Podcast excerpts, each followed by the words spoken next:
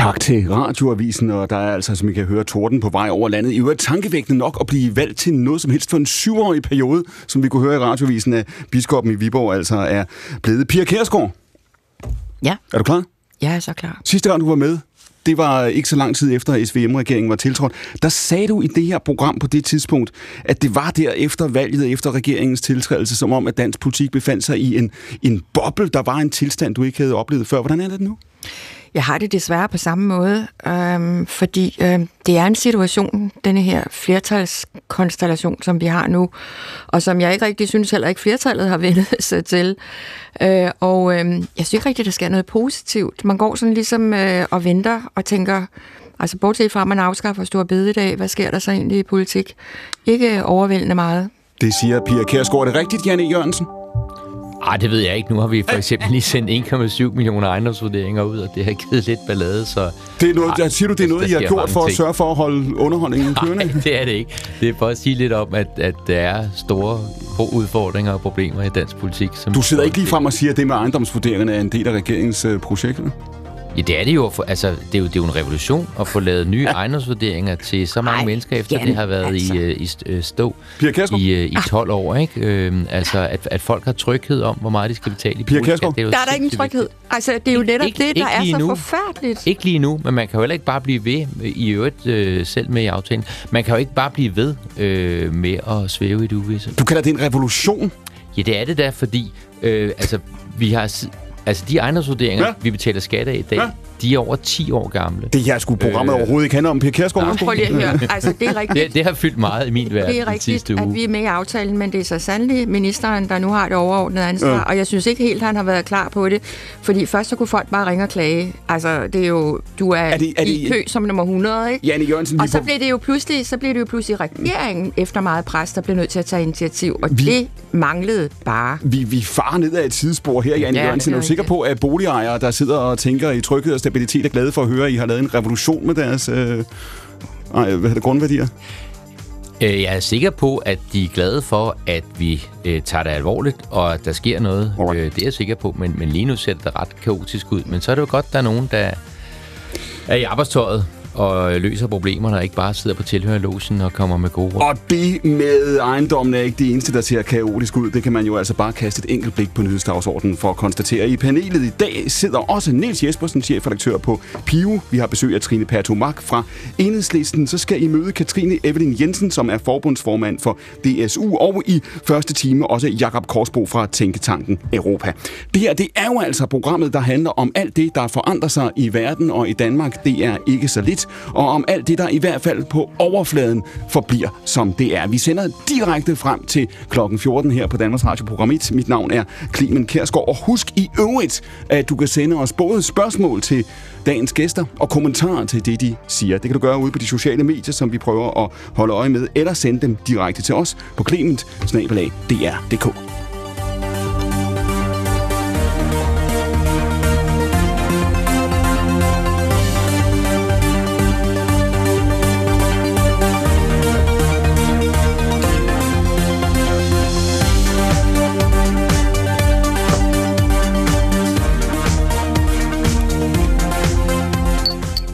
nu startede vi jo altså med at tale ejendomsvurderinger her, og man kan vel godt regne med, at det, som man i hvert fald i toppen af regeringen har forestillet sig, at vi skulle diskutere i de her dage, det var noget andet.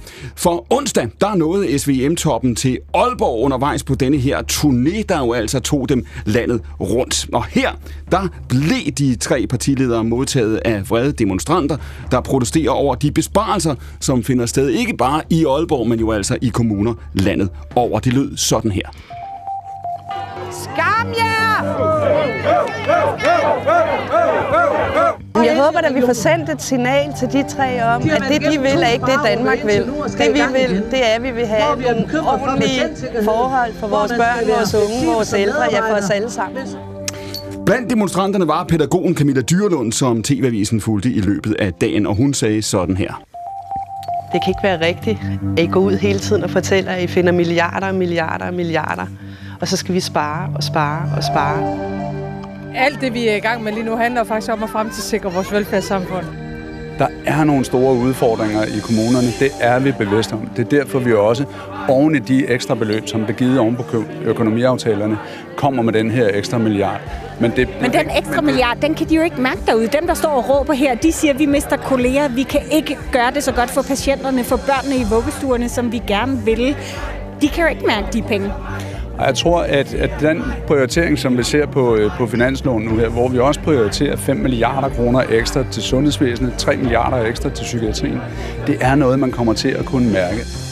Janne Jørgensen, det var din partileder Jakob Ellemann, som øh, vi hørte her. De protester, vi hører nu over hele landet fra kommunerne og regionerne, det kommer jo altså ikke bare fra røde borgmestre, det kommer også fra blå politikere, der sidder rundt omkring og skal administrere det her. Når der er penge i statskassen, når regeringen er lykkeligt overrasket over den økonomiske situation, hvorfor skal der så spares?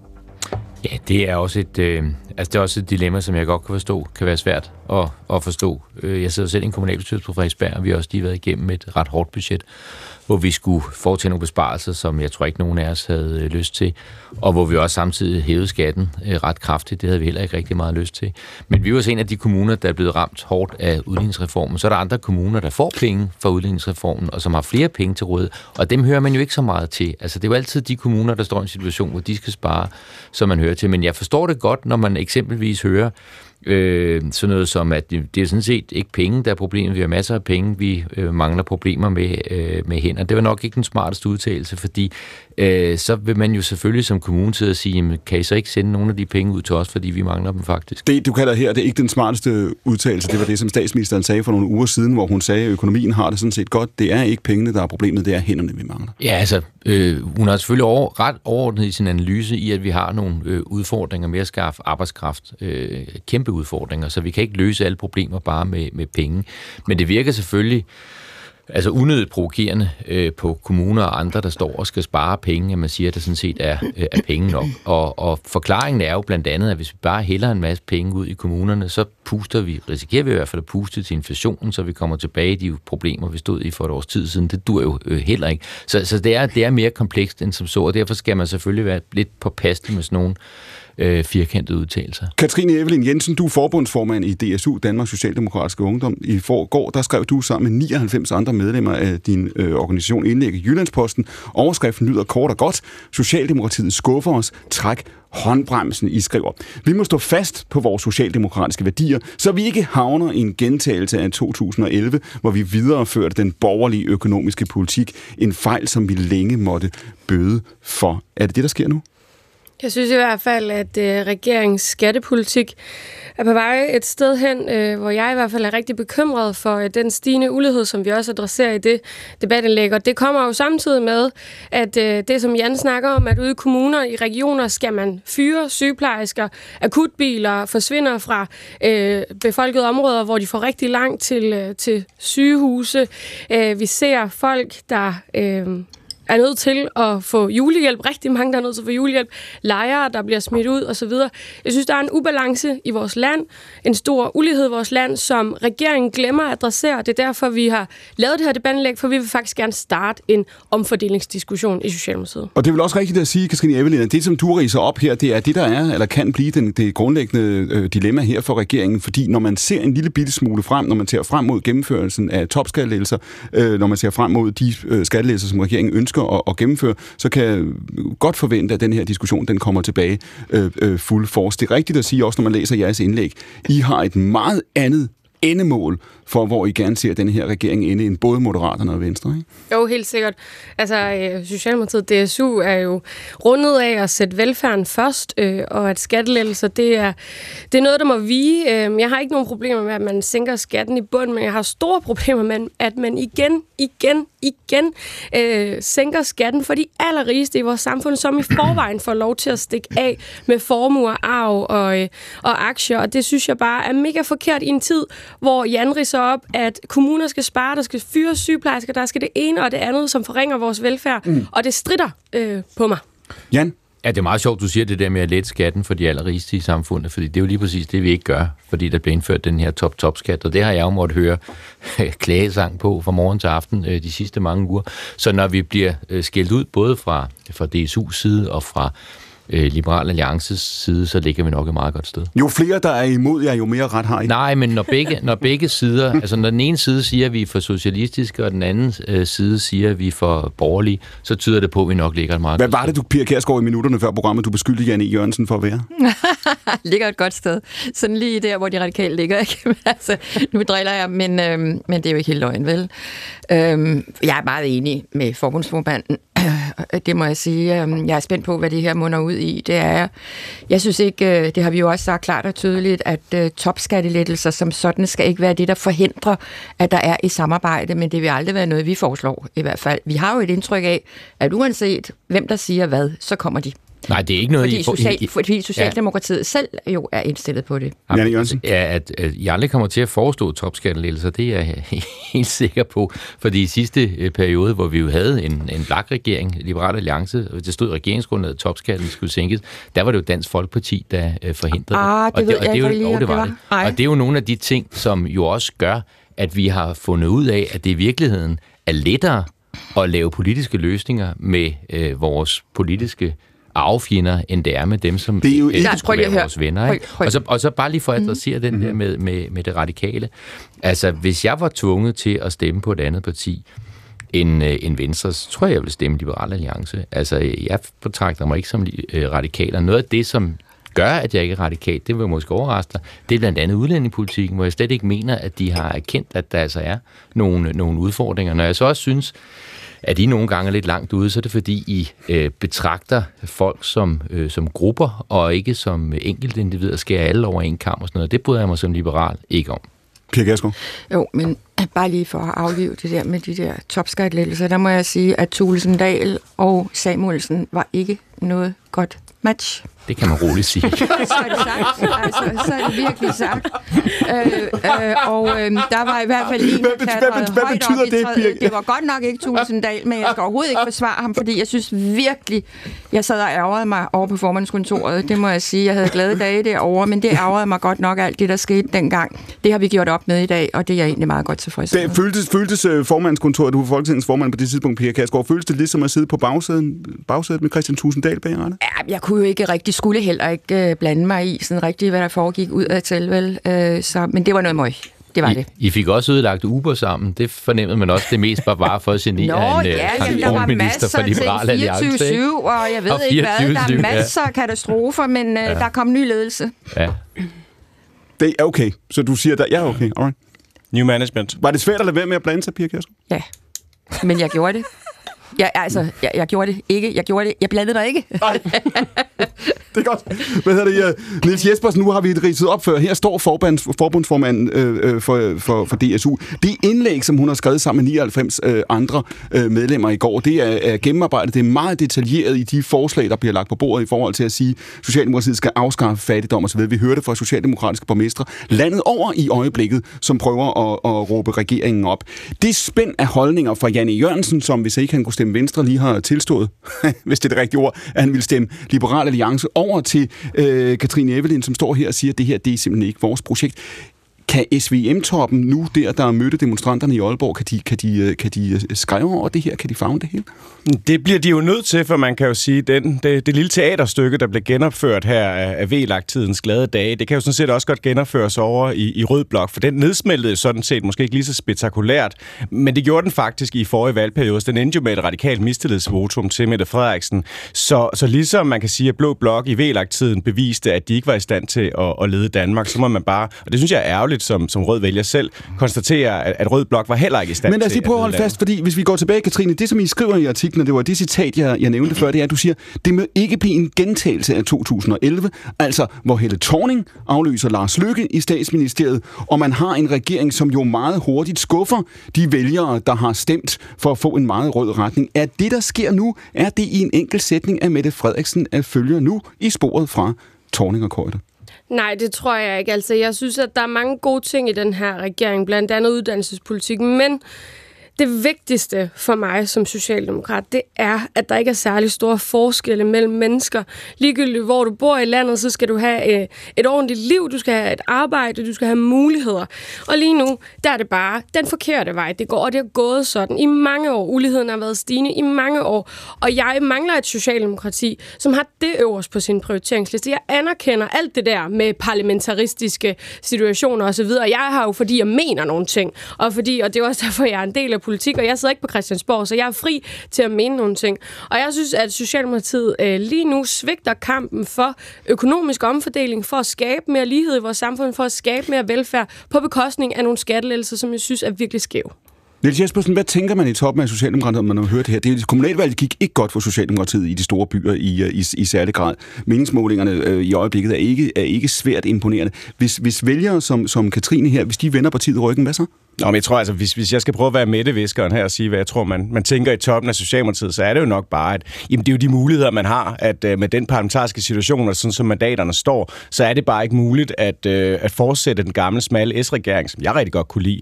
Uh, det, det kan man ikke. Man kan ikke bero sig på uh, de venstrefløjsmandater, skal Therese Scavenius og Alternativet lige nu. Og så må man jo få det bedste ud af situationen, og det betyder, at man laver en regering med uh, henover Men, men er det ikke, Niels Jespersen her, hvis vi lige skal stikke et spadestik dybere, det virker jo ærligt talt, når man hører statsministeren statsministeren, også når man hører Lars Løkke, og for den sags skyld Jacob Ellemann nu, det virker jo som om, at det for dem også er et dybere spørgsmål. Altså en ting er mandaternes logik. Når man hører statsministeren og hører Jacob Ellemann, så beskriver de et skæbnefællesskab. Jeg har også lyst til at sige et værdifællesskab her, på noget, som handler om meget mere om en, en Therese Scavenius, ikke? Jo, og det, det, det, der godt kan lidt skræmme mig, at, at, at det er som om, at man har fået øje på alle de muligheder, man kan gøre, når man har flertallet og, og kan, kan passe sig selv. Jeg synes bare indtil videre, så ser det altså ud som om, at det er tre gange så dyrt at have tre gange så mange bagland og, og så mange særinteresser at tage hensyn til, øh, og, og den her regering faktisk ikke er særlig god til at tage de der svære opgør med særinteresser, som var det, man kunne håbe en, en øh, midterregering eller en flertalsregering kunne gøre. Men altså, det håbet er stadig lysegrønt, og, og jeg er ikke en af dem, der, der er parat til at, at dømme det her projekt ude. Katrine, nu skal vi i team 2 her skal vi blandt andet tale om øh, klimaspørgsmålet, som fyldte meget ved valget i 2019 og, og fylder ganske meget for mange også øh, unge vælgere. Dine medlemmer, dem der er aktive, du har skrevet det her indlæg sammen med 99 andre, hvis de bliver trætte af politik, af, nu kalder vi det så måske nødvendighedens politik, mm. eller de bliver trætte af den logik, og de bliver trætte af udlægninger, som den Niels Jespersen har sagt om, det er, hvad mandaterne kan. Hvor går de så hen? Altså siger de, så tror vi ikke på politik overhovedet, eller, eller hvor går de hen, tror du? Åh, oh, det er et, øh, et ekstremt godt spørgsmål. Altså, jeg håber for alt i verden ikke, at de går ud til fløjene, fordi øh, hvor mange aversioner jeg så end kan have mod det her SVM-projekt, så må jeg jo bare sige, at øh, jeg er grund, altså, grunden til, at jeg er socialdemokrat, er også fordi, at Socialdemokratiet er det eneste parti, som tør, har viljen, evnerne øh, og visionerne til at sætte sig i en regering og faktisk skabe nogle fremskridt for almindelige mennesker, hvilket jeg også synes, de gør. Øh, DSU er ikke sådan kritisk over alt, hvad Socialdemokratiet gør i den her regering, men jeg synes, at der mangler et fokus på på at mindske forskellen i vores samfund, både by og land, men også økonomisk omfordeling. Altså vi har øh, næsten 100.000 fattige børn, nogle ligger lige over fattigdomsgrænsen, som har meget svært ved at få tingene til at hænge sammen. Og så har du bare øh, gated communities ude i Rungsted, hvor jeg var for nylig ude at spise, hvor jeg, hvor jeg kørte forbi øh, på de der flotte, flotte veje, hvor, øh, hvor de der lover bare er skide høje, og flotte boliger inde bagved, og de koster 8 millioner stykket, og sikkert også mere. Øh, mit land hvad skulle, synes, du, hvad skulle du til Rungsted efter? Ja, men der skulle uh, hoppe i havnen, og jeg ville okay. godt lige se, hvordan det var i Nordsjælland. Jeg var jyde. Og der siger du, ja, altså, du, ja, okay, så du siger, det var simpelthen det, som gated communities, når du kører forbi der med... Ja, ja det synes jeg. Jeg synes, vi får et mere med opdelt land. Altså, øh, Dobbeltgarager, høje ja, mure og... meget hvide, glaserede tagstinger. Du må altså ikke tage det, du må ikke tage det så bogstaveligt, når nogen siger, at du skal hoppe i havnen. der var dejligt i Rungsted. Janne Jørgensen, det vi ser her, det er jo, vi har også oplevet det med inflationen over det sidste halvandet år. Der er altså nogle forskelle i det her land. Det kan godt være, at det ikke bonger ud i alle ulighedsstatistikker, når man kører dem, men der er godt nok nogle mennesker, der har siddet det sidste halvandet år og følt sig meget fattigere, end de troede, de var, samtidig med, at der er nogle andre, der siger, at det går da egentlig meget godt, øh, i hvert fald indtil de har fået deres øh, ejendomsvurderinger. Ikke? Øh, øh, er der en ting her? Er der noget også i den her regeringsprojekt øh, øh med, med den her øh, øh, ulighed, den her diskussion? Jamen, det, altså, der er øh, helt klart en altså hvad skal vi kalde den, samfundskontrakt, altså som, som Grundtvig i sin tid jo beskrev Danmark som et land, hvor få har for meget og, og færre for lidt. Mm. Det er et ideal, som vi også hylder i, i Venstre. Altså forskellene må ikke blive, øh, blive alt for store. Men, men når, jeg, når jeg hører det, du, du fortæller om forskellen på rig og fattig osv., så kan jeg så ikke lade være med at skrue tiden tilbage til den gang, øh, jeg var, jeg var VU'er og, og så øh, samfundet dengang. Og når jeg sammenligner, altså i det der sådan 30-års øh, perspektiv, så mener jeg jo, at der i dag er langt, langt, langt langt, langt færre børn, der lever op i det, jeg vil beskrive som, som fattigdom. Altså, der er jo ikke nogen i dag, der som jeg, øh, altså unge mennesker, står op klokken 4 om natten for at dele søndagsaviser ud. Det har vi fået folk til fra, fra Østeuropa og så videre. Det er der ikke nogen unge mennesker selv, der gider. Der er ikke nogen, der samler flasker øh, lige meget, hvor man er hen andet end, end udlænding og så videre. Ikke, ikke mange danskere, der gør det. Det er ganske, ganske få. Da jeg var dreng, der var det helt normalt, at man tog en tur i fældeparken og samlede flasker ind for at få lidt lommepenge. Så, så, så jeg synes jo, når jeg kigger på det. Altså, jeg var i børnenes kontor og, og, og, få, øh, og få tøj, fordi vi ikke havde, øh, havde råd til, til Jamen, nyt tøj altså. osv. Og, og, og det må jeg sige, det synes jeg bare ikke, jeg ser på samme måde. Så, så hvis du lige løfter blikket fra statistikkerne, fordi der kan mm. du mhm. givetvis have ret i, at Gini-koefficienten har bevæget sig en lille bit smule, sådan så vi måske ikke er verdens mest lige land længere, men kun det næst altså, mest lige Evelyn, det må også være middelalder. Men, må ikke... Evelyn, Evelyn, og nu har Evelyn, værsgo. Hvordan, hvordan oplever du det i virkeligheden? Det her, det handler om den virkelig levede verden. Altså, tag bare de geografiske forskelle mellem folk, der bor i det inderste af Aalborg. Øh, de lever syv år længere end folk, der bor ude i øh, det østlige del af Aalborg. Det er rigtige mennesker, som søger mere julehjælp år efter år. Det er rigtige mennesker, der er blevet smidt ud af deres lejligheder, fordi de ikke kunne betale deres husleje. Øh, og det er rigtige mennesker i Nordsjælland og andre steder, som løber afsted med rigtig mange penge. Det er jo rigtigt nok, Jan, at nej, vi er ikke lige så fattige alle sammen, som vi var i 80'erne og 90'erne. Vi er jo alle sammen blevet rigere. Men det er jo også det, man skal kigge op i dag. Altså sidder der en knægt i skolen i dag, som ikke får en madpakke med, øh, og heller ikke har det rigtige mærketøj, og heller ikke har muligheden for at være med til fodbold osv. Det er jo den fattigdom, jeg taler om. Øh, folk ligger ikke ud på gaderne, det er super godt, men der er en større og større forskel i vores samfund, og det er ligegyldigt, at det er Gini-koefficienten, det handler om. Det handler om rigtige mennesker. Men, Trine Mark, i sidste år, en gang, oh, en gang, nej, nej, vi skal, nej, jeg, var nødt til, uh, Trine Mark, i sidste år, jeg forstår hvorfor det er nyt. Ja, Trine Mark, i, uh, i sidste uge, der var uh, din, din nyslåede partileder Pelle Dragsted med i det her uh, program, og han taler jo om enhedslisten som et parti, der kan blive større end det er, som man kan appellere bredere, end det gør nu, og som også skal have vælgergrupper ind. Sandheden er jo, der er ikke ret mange klassiske arbejdervælgere, der stemmer på, på enhedslisten som det ser ud i dag. Når du hører nu øh, kritikken her fra, fra Evelyn, du har siddet og lyttet til hende, det, det lyder jo som en række af punkter, der kunne være taget fra jer i virkeligheden, ikke?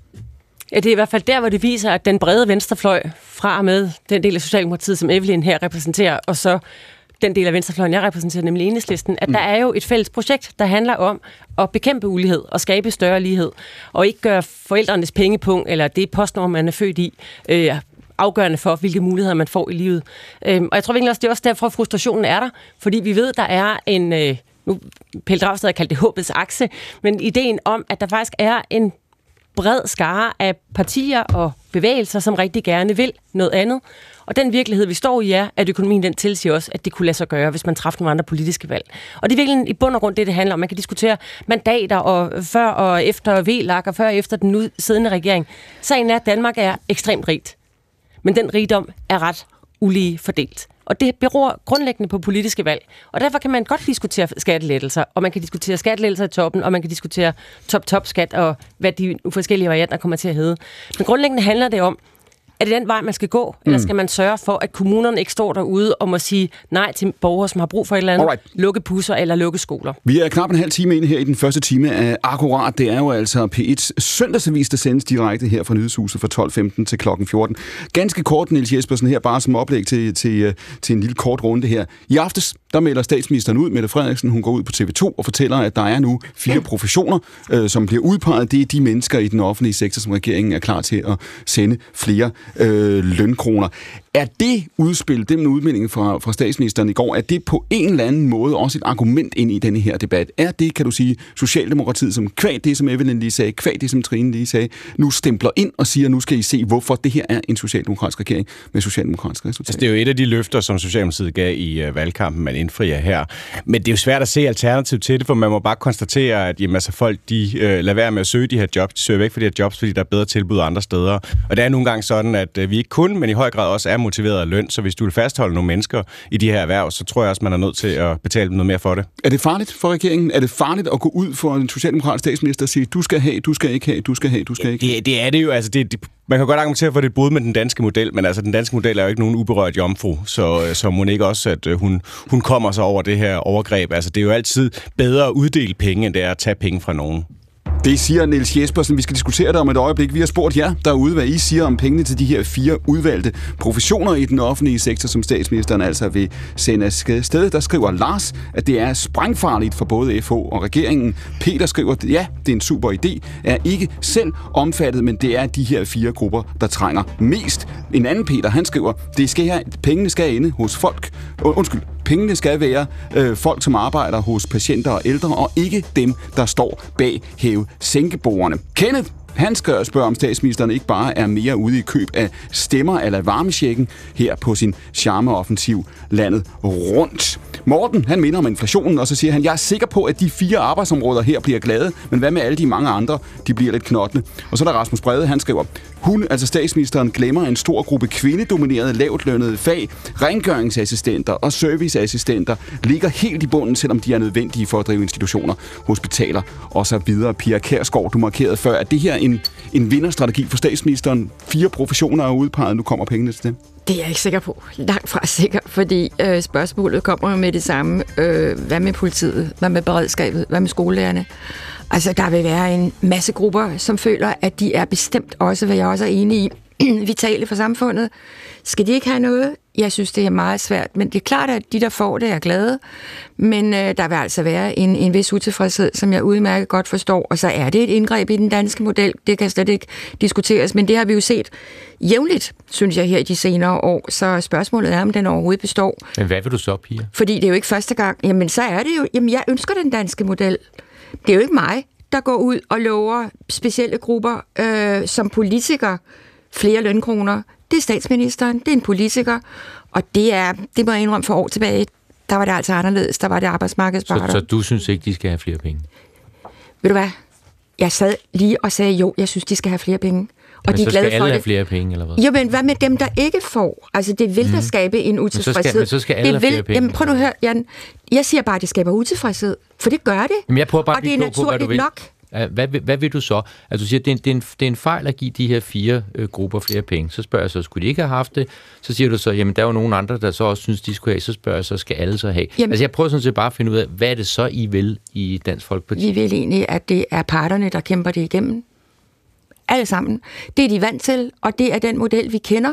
Og det er det, vi er trygge ved. Ikke at en politiker går ud og køber sig specielle vælgergrupper, for det er det, der sker i øjeblikket. Evelyn, lad os lige få dit svar på den, fordi øh, nu har I skrevet indlægget jo selvfølgelig før det her øh, øh, udspil kom. Hvor meget taler det ind i de ting, som I rejser også? Fordi der er jo to argumenter her.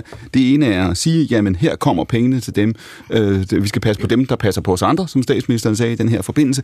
Og så er modargumentet det, vi hører fra øh, Pia Kærsgaard. Hvad med dem, der ikke får? Jamen altså, jeg, sådan, hvis man kigger isoleret på, om det vil gøre noget godt for, for ligheden i vores samfund, så tror jeg, at det er rigtig positivt, at der er nogle mennesker, som får øh, mere i lønningsposen, nogle mennesker, som jeg synes, det er meget velundt. Øh, jeg vil lade det være fuldstændig op til den trepartsforhandling, som skal være, hvor FO og Dansk Arbejdsgiverforening også skal være med, fordi øh, ja, jeg anerkender også, at der nok også er nogle andre, øh, blandt andet rengøringspersonalet, som man ikke må overse i forhold til at holde vores sundhedsvæsen kørende, for eksempel. Men, men det vil jeg lade være op til dem. Jeg tror, det er godt øh, for vores velstand og for vores øh, lighed i samfundet, men så kommer der jo så lige skattelettelser oveni. Det, Men, ja. men bare så jeg er sikker, så jeg forstår jeres indlæg her. Det som, det, som I taler om, er mere end det her. Ikke? I taler om mere end det her spørgsmål. I taler om den generelle øh, samfundsudvikling. Først og sidst spørgsmålet om lighed og ulighed. Ikke? Jamen altså hele mit liv, øh, og jeg er 26 år i dag, mm. der er Danmark og verden jo kun blevet mere ulige. Øh, altså øh, den rigeste del af vores befolkning er ligesom stukket fuldstændig af. Alle er blevet rigere. Gudskelov, det ville have været frygteligt, hvis det var gået den anden vej.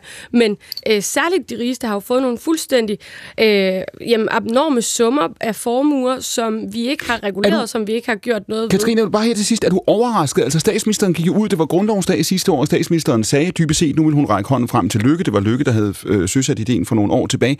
Øh, vi vidste godt, at det her var på tegnbrættet. Er du overrasket over den linje, som regeringen fører? Den dag, de står og præsenterer øh, skattelettelserne osv. Altså, overrasker det dig egentlig? Nej, det gør det nok egentlig ikke, men det er jo derfor, at øh, min opgave som DSU's formand er om en Socialdemokratiet, om vores ophav, om vores værdier, om at skabe øh, mindre forskel i vores samfund. Det er socialdemokratisk kerneblod, øh, og derfor så er de nødt til også lige at piske sig selv en ekstra gang ind i de der øh, forhandlingslokaler, fordi der er meget, der er vigtigt, men det her er det vigtige. Pia Kjærsgaard Korn? Oh, men ingen skal beskylde mig for, at jeg ikke ønsker, at de her grupper får mere i løn. Mm. Overhovedet ikke. Jeg siger bare, at der er nogen, der så står ude og venter lidt og siger, øh, hvad med os? Og nu diskuterer vi topskatlettelser. Der må jeg jo så bare sige, hvis vi skal diskutere lettelser, så ville alle grupper egentlig blive til gode set, hvis vi tog det i bunden i stedet for. Det vil være den mest forenklede måde at gøre det på. Det vil være meget mere regelret, at man netop sagde skattelettelser, det kommer fra bunden, fordi det vil virkelig gavne dem, som, som vi taler om her. Evelyn, sidste spørgsmål. Nu ser du det der før med, at det er dig, der skal holde øh, Socialdemokratiet fast. Ikke? Du siger, at det er jer i jeres opgave at DSU at holde dem fast på deres øh, kerneværdier. Vi bliver mødt, tror jeg, med det argument, som Niels Jespersen sagde før. En regering, der siger, at vi står med så mange kriser. Det her, det er det, der kan lade sig gøre. Vi laver politik fra midten. Og det, vi ser nu med SVM, er ikke forbipasserende. Det er en varig konstellation. Tror du på den? Tror du på, at SVM går til valg samlet? Det her, det er en ny dragning? Ja. Det, åh, det er sådan at være fremtidsforsker i politik. Det er det- det er programmet her, ikke? Nej, men altså, øhm, Socialdemokratiet skal jo stille sig det spørgsmål om tre år. Mm. Øh, kan man gøre mere for de mennesker, vi gerne vil repræsentere sammen mm. ved SVM? Øh, eller kan man gøre mere sammen med de røde? Og jeg anerkender fuldstændig, at de radikale ville en så grotesk anden vej, end, øh, end det vi ville.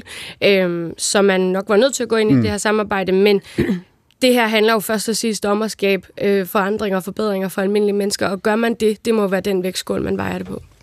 Træk håndbremsen, lød det altså fra DSU, forbundsformanden og 99 af hendes medlemmer i Jyllandsposten i går. Evelyn, tak fordi du var med. Det var onsdag, at regeringstoppen ramte Aalborg, og så var det også onsdag, ikke at der er nogen øh, forbindelse, at EU-kommissionens formand Ursula von der Leyen holdt sin årlige tale til Europaparlamentet.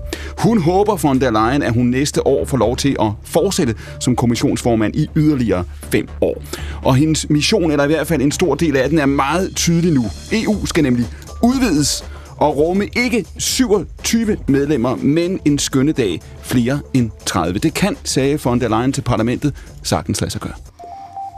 We have started to build a health union at 27. And I believe we can finish it at 30 plus. We have started to build a European defense union by 27. I'm convinced we can finish it at 30 plus. We have proven that we can be a geopolitical union and show that we can move fast when we are united. And I believe that Team Europe also works at 30 plus. EU fungerer altså med 27 lande og kan fungere med flere end 30, sagde von der Leyen, og hun sluttede sin tale sådan her. Completing our union is the best investment in peace, security, and prosperity for our continent. So, it is time for Europe to once again think big and write our own destiny. Det er tid for Europa til at tænke stort og skrive sin egen skæbne. Jakob Korsbo fra Tænketanken. Europa, du er her for at diskutere det globale magtspil, og lad os bare starte med det her, fordi det her det kommer til at fylde frem mod Europaparlamentsvalget næste år. Det er der ikke så lang tid til. Lad mig lige starte med at spørge dig, øh, hvordan tager vælgerne imod det her? I det øjeblik, at det her nu bliver en del af de nationale debatter i Ungarn, i Polen, i Tyskland, i Frankrig herhjemme. Hvad sker der så? Jamen altså, det bliver en kæmpe udfordring, fordi øh, det bliver dyrt, øh, og øh, politikerne skal ud og forklare vælgerne, at øh, vi bliver nødt til at tænke sikkerhedspolitik, fordi det er det, von der Leyen gør, når hun øh, lægger den her ambitiøse dagsorden frem, øh, og aggressiv øh, udvidelsesdagsorden frem. Og det er simpelthen fordi, at øh, vi efter et plus 10 år med øh, udvidelsestræthed og metaltræthed generelt omkring øh, det europæiske øh, projekt nu kan se, jamen der er ikke nogen udvej. Vi bliver nødt til at gøre det for, for sikkerheden og, og, og fremtidens øh, skyld for Europa. Lad os lige prøve at holde fast i den. Du, du kalder det en aggressiv dagsorden, Korsborg. Jeg kunne godt tænke mig at spørge dig, der er, jo, der er jo nogle af de lande, der står på den her liste, som er mere indlysende end andre. Der er sandt fordydende også nogen, som vil være lettere at optage end andre. Vi har set en EU-kommission von der Leyen, som har gjort det meget klart, Vestager har sagt det samme, også i det her program, at Ukraine skal være medlem. Det er ganske enkelt øh, projektet nu. Er det her ikke, du starter med at sige det svært, er det her ikke, undskyld, noget af et sats? Altså, vi står over for et Europaparlamentsvalg. Vi havde et Storbritannien, der stemte sig ud for nogle år siden. Kan man ikke sagtens risikere, at den ro, kan man sige, den arbejdsro, som kommissionen måske har haft i nogle år, den ryger nu, fordi det her kan blive politiseret, ikke mindst med meget stærke nationalkonservative partier i mange europæiske lande? Jo, men altså, det er der bestemt en risiko for. Øh, ingen tvivl om det, men det er derfor, at øh, vi bliver nødt til at, at forklare, at øh, lige så vel som i starten af 90'erne, er det her et sikkerhedspolitisk projekt nu, og øh, vi får ikke øh, mere øh, sikkerhed og mere velstand øh, generelt set i Europa ved at udlade det øh, så får vi gråzoner, så bliver vi udfordret, mm. øh, og, og Rusland øh, vil til syvende og sidst øh, blive ved vi... med at og, og, og, hvad kan man sige, undergrave de her staters stabilitet. Men, men er det ikke også det, altså peger du ikke her på, hvad det er, den her analyse er baseret på? Det er et spørgsmål om, at von der Leyen, Vestager og mange andre, en række teoretikere også, det du selv siger, det er at sige, om Ukraine er en game changer, det er et tideværv sejdenvendte, mm. som tyskerne taler om og siger, nu kommer de europæiske befolkninger, eller i hvert fald et flertal, til at se på EU som, på en anden måde, som du siger, som en sikkerhedspolitisk nødvendighed. Altså, man kan sige, at vi er der jo ikke endnu, og det er stadigvæk en udfordring, og, og, og der er øh, helt sikkert nogen, der vil stille mm. spørgsmålstegn ved det her, fordi det bliver dyrt. Øh, ingen tvivl om det, men øh, vi vil efterlade os selv i en dårligere position, hvis vi ikke gør det, og det er den nødvendighed, vi stiger ind i. Pia Kærsgaard, hvis det her kommer til at dominere valgkampen frem til Europaparlamentsvalget næste sommer, vi kommer til at tale om det her. Hvem skal være med? Hvor mange skal være med? Hvor hurtigt skal det gå? Hvad sker der så? Jeg tror, det bliver kaos. Altså netop fordi, øh, hvem skal være med, hvem skal ikke være med? Skal Tyr- Tyrkiet? Det er der ingen, der tør nævne, men øh, det er da en option, altså det er da en mulighed. I allerhøjeste grad, der har været talt om det før, det er der ikke rigtig nogen, der siger, fordi det er mere sympatisk at sige Ukraine. Men øh, det bliver enormt dyrt, det bliver enormt besværligt. Øh, og vi er ikke med på den, det må jeg så sige. Det er gået alt for hurtigt i forhold til, øh, hvordan det ser ud i dag. Det er dyrt. Sikkerhed, jeg vil. Vi har NATO. Jeg er så tryg ved NATO, det må jeg sige. Øh, men øh, jeg synes ikke, man bare kan forklare det. Jeg synes ikke bare, man kan forklare det med, med, med, med sikkerhed. Det synes jeg faktisk ikke, man kan. Janne Jørgensen? Jamen altså, som, som Niels lige sagde her i uh, mikrofonen, altså Tyrkiet er jo sådan set medlem af, af, af NATO. Altså, øh, vi synes jo, det var godt, at vi øh, har fået udvidet øh, EU med en række østeuropæiske lande. Det har jo ikke været Altså, det har ikke været uden øh, problemer og udfordringer. Udviklingen eksempelvis Polen og Ungarn er gået en anden vej, end den vi havde håbet på osv. Men det går, og det fungerer. Vi fik afskaffet forsvarsforbeholdet, hvilket var rigtig, rigtig godt, så Danmark nu deltager fuldt ud i det øh, sikkerhedspolitiske samarbejde i EU. Og selvfølgelig skal vi da også række Ukraine den hånd, at de skal være velkomne som medlemmer af EU, og det samme gælder nogle af landene. Men er der, er der ikke tale om, Janne Jørgensen, undskyld, er der ikke tale om, at du og mange af jer i de her år og i de her måneder under pres fra Ukrainekrigen, som, som jo har vendt op og ned på mange ting, fejllæser de europæiske vælgere, glemmer Brexit, overser den enorme skepsis for 10 år siden, eurokrisen, Trine Mark her, øh, hvad hedder det, hvor, hvor man så vælgere i Sydeuropa gå på gaderne, fordi de var utilfredse med den politik, Trine Mark. Kan man ikke forestille sig, at en udvidelse i den her skala kommer til at vække en EU-skepsis til højre, men også til venstre? Det kommer an på, hvad man i øvrigt gør, og jeg vil sige, for mig at se, så er det med, at noget er dyrt og besværligt, det er jo ikke et argument for ikke at gøre det, hvis man synes, det politisk er rigtigt. Mm. Øh, jeg synes, det helt store spørgsmål er selvfølgelig, om man, og det har der heldigvis ikke været sagt noget om den forgangne, de forgangne tre dage, det har ikke været en kortslutning af de grundprincipper, der gælder for at blive EU-medlem. Det er jo en af de grundlæggende forudsætninger, der er nødt til at holde fast ved, fordi EU jo er mere end økonomi, det er også et politisk fællesskab. Det står på nogle grundlæggende kan man sige, principper og værdier om, hvordan man mm. organiserer sig. Men jeg synes, det der er, og det får også at komme ind på det, du i virkeligheden spørger om, altså hvad betyder det for de borgere, der bor i EU-landene? Jeg tror ikke på, faktisk, at Ukraine krigens, øh, det der sikkerhedspolitiske mantra er noget, som den almindelige franskmand, som lige nu ikke kan købe kød, og som er nødt til at springe over sin aftensmad, øh, fordi de skal kunne give mad til deres børn, og den fattigdom, som nogle øh, europæere de oplever. Ja, det var tal, jeg hørte i går, efter du, du gør sådan rystet på hovedet, Jan.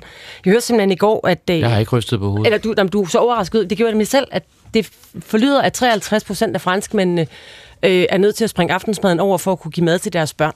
Og det lyder helt vanvittigt. Altså, hvis det er rigtigt, øh, eller hvis bare noget, der ligner det er rigtigt, så er det jo det, der er menneskers dagligdag, og så er det jo de svar, de gerne vil have, også fra EU. Det er det, man vil have fra sine politikere. Hvordan sikrer man øh, økonomisk tryghed? Hvordan sikrer man social tryghed?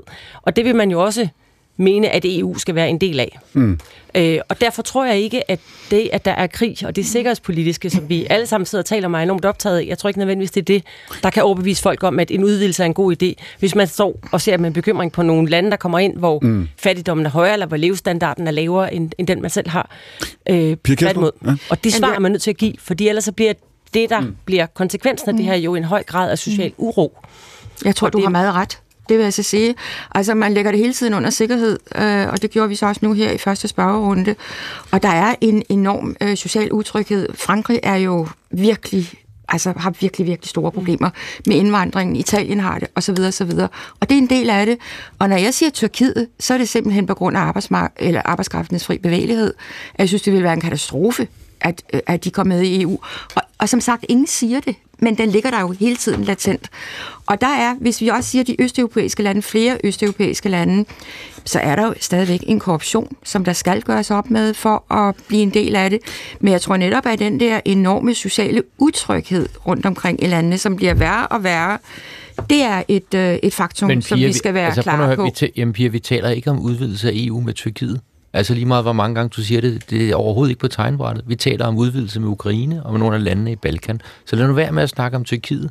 Altså, øh, men når man du, ser du, alene, du debatten for det, den handler Men alene, Janne Jørgensen, når man ser på den situation, vi har haft også de senere år med Ungarn og Polen, så er der jo dem, der siger, at det her det er gået for stærkt. Mm. Vi havde for travlt mm. med det her. Vi har ikke øh, koordineret. Vi har måske, når det kommer til stykket, slet ikke de samme værdier. Lige meget hvem du lægger til, lige meget hvem du inviterer med ved bordet, så vil kompleksiteten det her jo gå mange gange op. Jamen altså, det er klart, hvis EU pludselig omfattede hele verden og erstattede FN, så ville det være meget, meget vanskeligt at have et EU, fordi vi har ikke fælles værdier med med hele verden. Men, men i Europa har vi en række fælles værdier. Så ser vi lidt forskelligt på det. Lidt og, forskelligt? Og, ja, Polen og Ungarn for eksempel, det må jeg sige, som, som i Dansk Folkeparti jo meget godt kan lide det, der sker der. Øh, det, det, det er vi noget mere bekymrede for. Øh, men, men altså, hvis du kigger på, på udviklingen, så ser jeg der i dag mere positivt på befolkningernes øh, de europæiske befolkningers øh, mod på, øh, på EU. Altså, right. altså, yes. altså Brexit det er der rigtig, rigtig mange britter, der har fortrudt. Her jo forleden under Last Night of the Proms, der sad de og viftede med, med Europa-flag, ikke? Mm. Øh, mens der var den klassiske, traditionelle koncert. Sentimentaliteten har fået, har rigtig, fået et nyt objekt. Rigtig mange store der har fortrudt Brexit. Niels Jespersen, hvis man skal være en lille bitte smule kynisk her, så kunne man sige, det som man forestiller sig også i Bruxelles, grunden til, at von der Leyen står og taler om den her øh, udvidelse og 30 plus, grunden til, at man rækker hånden frem til Ukraine, det er også fordi der i Bruxelles er en forestilling om, at hvis vi frygter Rusland, hvis vi frygter verdens kriser, hvis vi frygter verdens kaos, så vil vi sige, så må de klare det i Bruxelles. Med andre ord, så får de arbejdsro til at sidde i Bruxelles, og det som vi, vi diskuterer, hvis det handler om miljø, eller arbejdsmarked, eller krumme agurker, eller hvad det kunne være, det, det vil vi ikke beskæftige os med, fordi så spiller de Ukraine-kortet, og så får de ro i Bruxelles. Er det en kynisk udlægning? ja, det er det. Men den, jeg tror ikke, det er forkert. Altså, der er jo ikke noget scenarie, hvor Europa ikke må lære at klare sig selv. Altså selv hvis vi er heldige, og det ikke bliver en republikaner, der vinder præsidentvalget i Amerika, så øh, kommer vi bare til at skulle stå på egne ben på en helt anden måde. Øh, det tror jeg ikke, der er nogen vej udenom. Og, og vi har en gylden mulighed nu for at befri endnu flere mennesker østpå fra øh, Moskvas å, og det mener jeg også, at vi både har en egen interesse og en moralsk forpligtelse til at øh, udnytte. Men jeg frygter von der Leyen og hendes slæng af neoliberale tyskere, som jeg mener har et massivt medansvar for de kriser, der har ramt Europa de sidste 10 år. Flygtningekrisen, austerity, øh, Brexit, altså, og, og faktisk også, at vi er så afhængige af den russiske gas. Det er de samme mennesker, som har ødelagt Europas energiforsyning. Så groft sagt kan man jo sige, ikke? Altså, øh, von der Leyen og Merkel, de ødelagde Sydeuropa med austerity, de ødelagde Nordeuropa med fri indvandring, øh, de ødelagde øh, Østeuropa med afhængighed af Ruslands øh, energi. Øh, og det er altså det samme cirkus og de samme klovne, som kommer til at øh, stå i spidsen for det. Øh, men jeg håber, at resultatet bliver anderledes den her gang. Korsbo, det var cute dig her. ja, det, det, det var hård kost, det der. Yes, men nej, hvis vi lige skal gribe fat i nogle af de ting her. Punkt 1. Tyrkiet er altså ikke på tegnebrættet. Det bliver jeg nødt til at sige. Det kan vi godt bruge som skræmmebillede. Det er meget mundret, men, men, men det holder jo ikke. Det, jeg tror også, man skal gøre sig klart, når man taler sikkerhedspolitik, Europas stabilitet. Prøv at forestille jer, hvis Baltikum, øh, de centrale østeuropæiske lande, ikke havde været med i EU og NATO i dag. hvad var det så for et central Østeuropa, vi havde stået med? Mm. Så kan jeg godt love jer for, så havde der ikke været fred og stabilitet. Og det kan godt være, at vi siger nu, ja, vi har nogle problemer i Ungarn og mm. Polen. Fær nok, det er jeg helt med på, og det tror jeg egentlig også EU som sådan har lært af. Men, øh, men, men, men det havde været betydeligt værre, hvis de ikke havde været inde i teltet øh, så havde de stået uden for teltet og tisset derinde i. Men og det så havde men, det været værre for Men Korsbo, er, nu er vi om et øjeblik... Ungarn må gerne stå uden for at tisse, det vil jeg hellere have. vi er om et øjeblik er vi i det sidste minut. Vi skal snakke mere om det her øh, øh, efter radioavisen. Men altså, Korsbo, du risikerer altså igen ved at sætte det her så højt på dagsordenen for der Leyen. Hun kunne jo vente. Altså, det ukrainske EU-medlemskab, det ligger trods alt et stykke ud i fremtiden. Det er vi enige om. Er det ikke også taktisk øh, øh, farligt af hende, at hun sætter det på dagsordenen nu? Nej, fordi det er et spørgsmål om at give dem et håb. Øh, de skal have et håb forude, og de skal gøre så store omvæltninger, og det kommer til at tage tid. Der bliver ikke gået på kompromis med kriterierne. Det er meget, meget vigtigt, men det er nødvendigt at lancere debatten. Og så må politikerne vise den politiske ledelse, der skal til for at forklare befolkningerne. Er du sikker, Janne Jørgensen? Du, vi er et land, der har haft mange af de her afstemninger. Kan det være, at, øh, at det går galt, og det her det skubber borgerne længere væk fra EU? Ej, man kan aldrig være sikker på noget som helst, men jeg er positiv og optimistisk. Det siger Janne Jørgensen. Vi er tilbage med anden time af Akkurat. Det er vi lige om et øjeblik efter en radioavis. Vi sender jo altså her søndag fra 12.15 til kl. 14 direkte fra Nyhedshuset. Og vi kommer retur i studiet efter radioavisen, men her kommer nyhederne for det, der er program 1, og klokken er 13.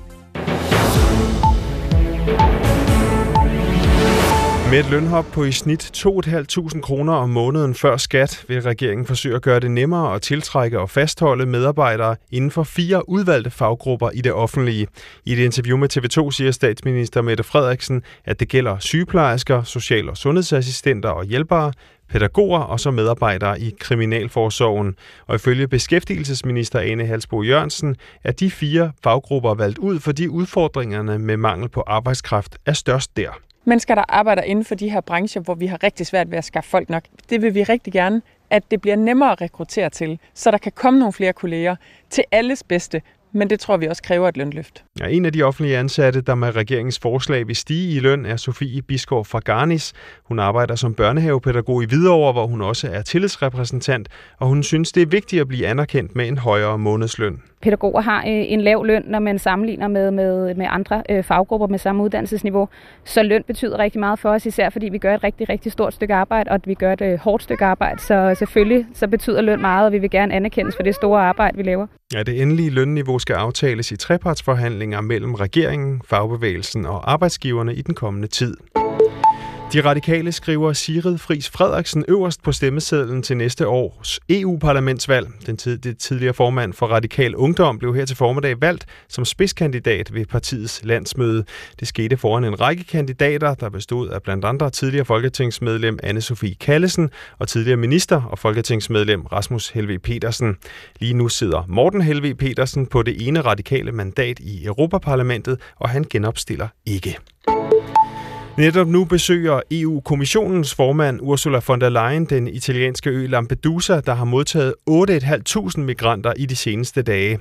Besøget sker sammen med Italiens premierminister Giorgia Meloni, og det har et klart formål fra von der Leyens side, forklarer Europakorrespondent Anna Gårdslev. Hun vil vise uh, Italien, EU er med jer. Det her er ikke kun jeres problem, det her det er et fælles europæisk problem.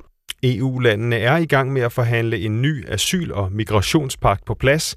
Indtil det lykkes, må politikerne konstatere, at den aftale, der blev indgået mellem EU og Tunesien i juli for at bremse migrationen, ikke ser ud til at virke, siger Anna Gårdslev. Det er i hvert fald ikke, fordi der kommer færre migranter fra Tunesien øh, i øjeblikket. Og sagen er jo den, vi kan jo ikke bygge en mur øh, midt i Middelhavet. Så lige nu så er vi altså på vej ind i en situation, hvor Italien gør det, som Italien også har gjort før, når der er kommet rigtig mange migranter. Man lader dem simpelthen løbe, og så siver de nordpå op igennem EU. Vejrudsigten byder på tørvejr i eftermiddag mange steder. En blanding af sol og skyer, så kommer der regn og byer op over landet fra syd mellem 18 og 24 grader svag til frisk vind fra nordøst. Tak til Radioavisen, og nu er vi her tilbage med anden time af Akkurat. Niels Jespersen, SVM-regeringen midten mod rov. Det vi har set i dansk politik her snart i et års tid, er det en varig tilstand? Det håber jeg ikke. Altså, jeg savner den gamle, smalle S-regering, så den så jeg da gerne øh, blive genoplevet på et tidspunkt. En ting er, hvad du håber, noget andet er, hvad du tror, hvad du vurderer. Har de, har de bevist uh, SVM, har, at, de, at de står last og bræst?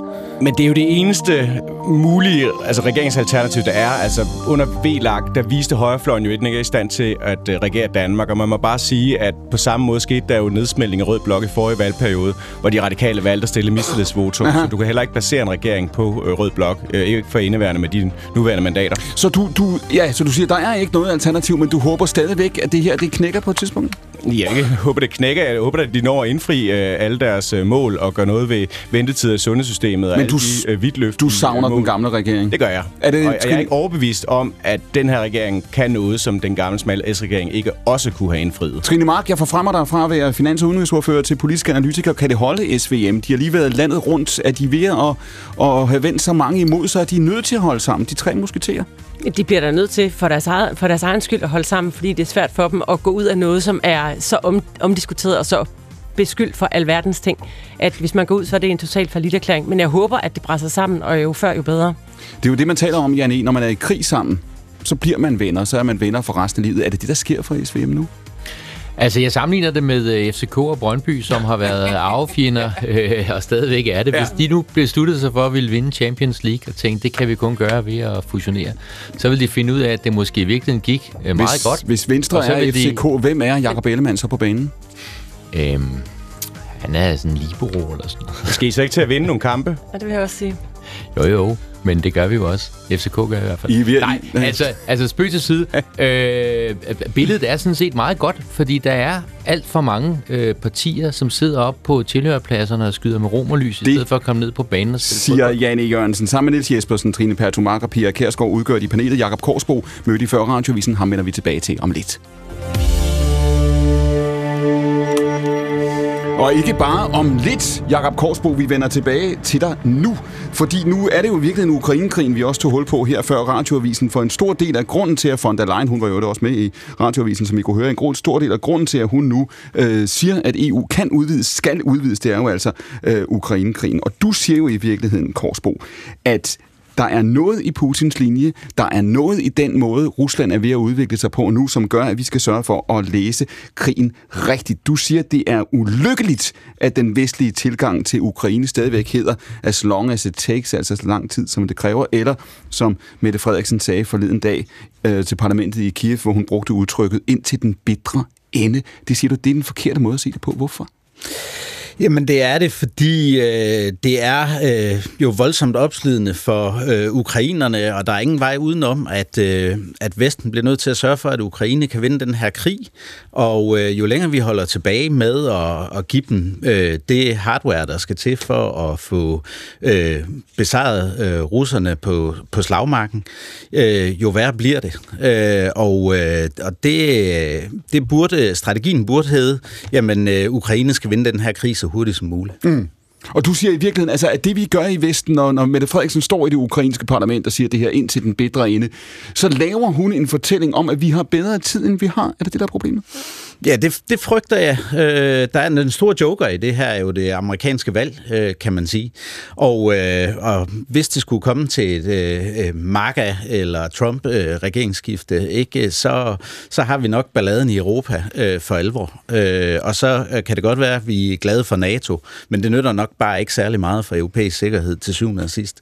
Øh, så derfor øh, vil jeg øh, øh lægge strategien om og sige, nu skal vi gøre øh, os klart, at det her det skal afsluttes hurtigst muligt.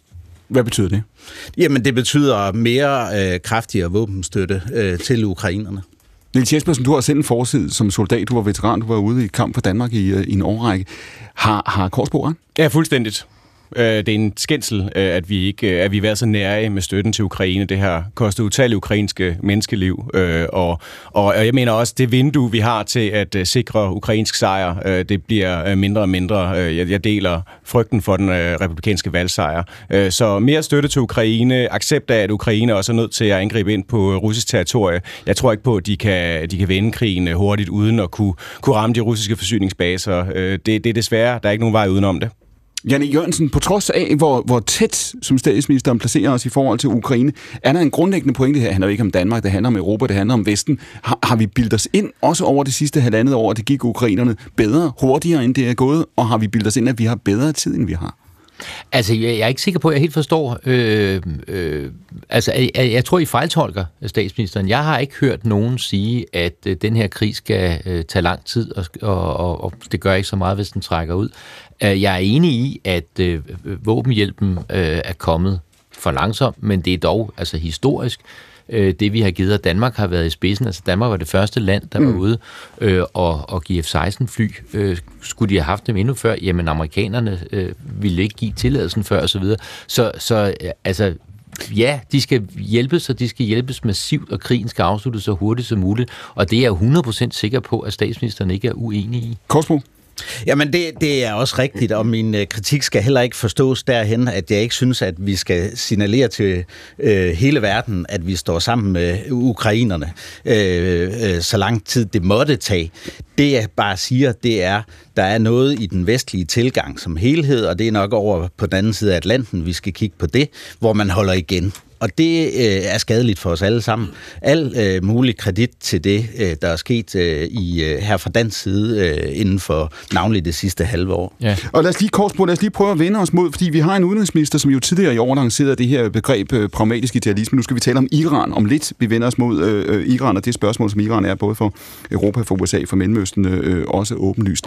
Lever vi grundlæggende i en verden, ser du, Korsbo, i en verden, hvor Lars Løkke har grundlæggende ret i, at sige, vi har ikke så mange venner, som vi troede. Vi skal ganske enkelt stille os mere pragmatisk an. Ikke dermed sagt, at man ikke kan støtte Ukraine, som du taler om, men at vi generelt skal sige, at vi må være mere ydmyge. Jamen altså, det mener jeg, øh, når vi kigger rundt øh, øh, globalt set. Altså, vi gør ikke os selv en, en stor tjeneste ved at, at fremture for meget. Det har vi gjort. Vi bliver set som dobbeltmoralske. Vi bliver fanget i dobbeltmoral øh, dagligt. Mm. og, øh, og, og der kan man bare sige, altså, vi skal behandle omverdenen som ligeværdige, selvom øh, vi står et andet sted. Det er både i Mellemøsten, det er i Afrika, det er mange steder i Asien. Vi har set, hvordan øh, øh landene de, øh, de ryster på hovedet, selvom de ikke grundlæggende, tror jeg, er uenige med vores øh, værdier, så øh, vil de have mere ligeværdighed, og det er egentlig det, der udfordrer os. Og når vi hører udenrigsministeren gå ud og sige, at det her forbud mod blandt andet koranafbrændinger, det er nødvendigt, fordi vi lever i en anden international kontekst. Det var det argument, der blev brugt. Vi hører udenrigsministeren sige, at vi er ikke, hvor vi var for nogle år tilbage. Vi er nødt til at sikre os, at der ikke kører de her historier om, om Danmark snakker om Sverige verden rundt, fordi det også handler om, hvem der lytter til os. Har han så ret?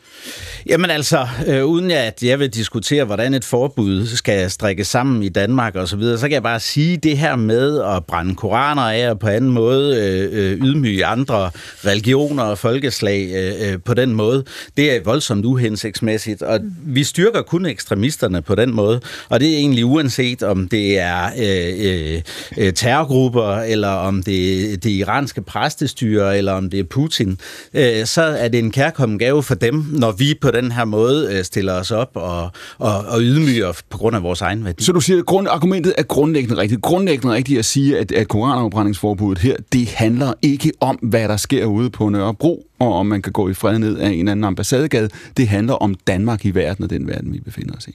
Det mener jeg, ja. Pia Kjærsgaard? Jo, altså bare lige, hvis jeg må have lov lige tilbage til det med Ukraine. Altså det er utrolig spændende, hvordan det amerikanske valg øh, går. Fordi det er jo stormagten, og vi er meget afhængige, og jeg er forbitret over, at så stort et land ikke kan stille med nogle bedre præsidentkandidater, det gælder dem begge to, men sådan er det nu engang. Og jeg må altså bare sige, at øh, det man hører fra USA, er der er sådan en begyndende skepsis i forhold til støtten til Ukraine. Den skal vi altså også være opmærksom på, den er også i Danmark. Mm. Det er den altså, og der skal vi passe enormt meget på. Jeg kunne ikke lade være med at tænke det der celebrity show, der foregik på Christiansborg, der øh, Zelensky var på besøg. Altså, det var bare for meget. Og det var for meget, at de sætter sig op i den her F-16. Og jeg ved, det er så følsomt, det her. Jeg tror, vi skal passe enormt på. Nå, tilbage til koranafbrændingen. Nej, lige, må, før ja. vi går til koranafbrændingen, vi når det hele her, ikke? Pia, lad mig lige holde fast på den. Du siger, det, det, det at de sætter sig op i F-16. Ja, jeg synes, det, var, det kunne folk i hvert fald ikke lide. Altså, det var sådan, øh, øh, altså, det var bonbonland op igen, ikke? Mm. Altså, jeg synes virkelig, det var, det var pinligt. Er pinligt. Fordi, fordi hvad? Fordi at statsministeren fordi bruger det som... Fordi man signalerer, at det er sørme sjovt at sidde i den der flyver. Altså, eller, ja. Ikke? Altså, jeg synes... Åh, ja. altså...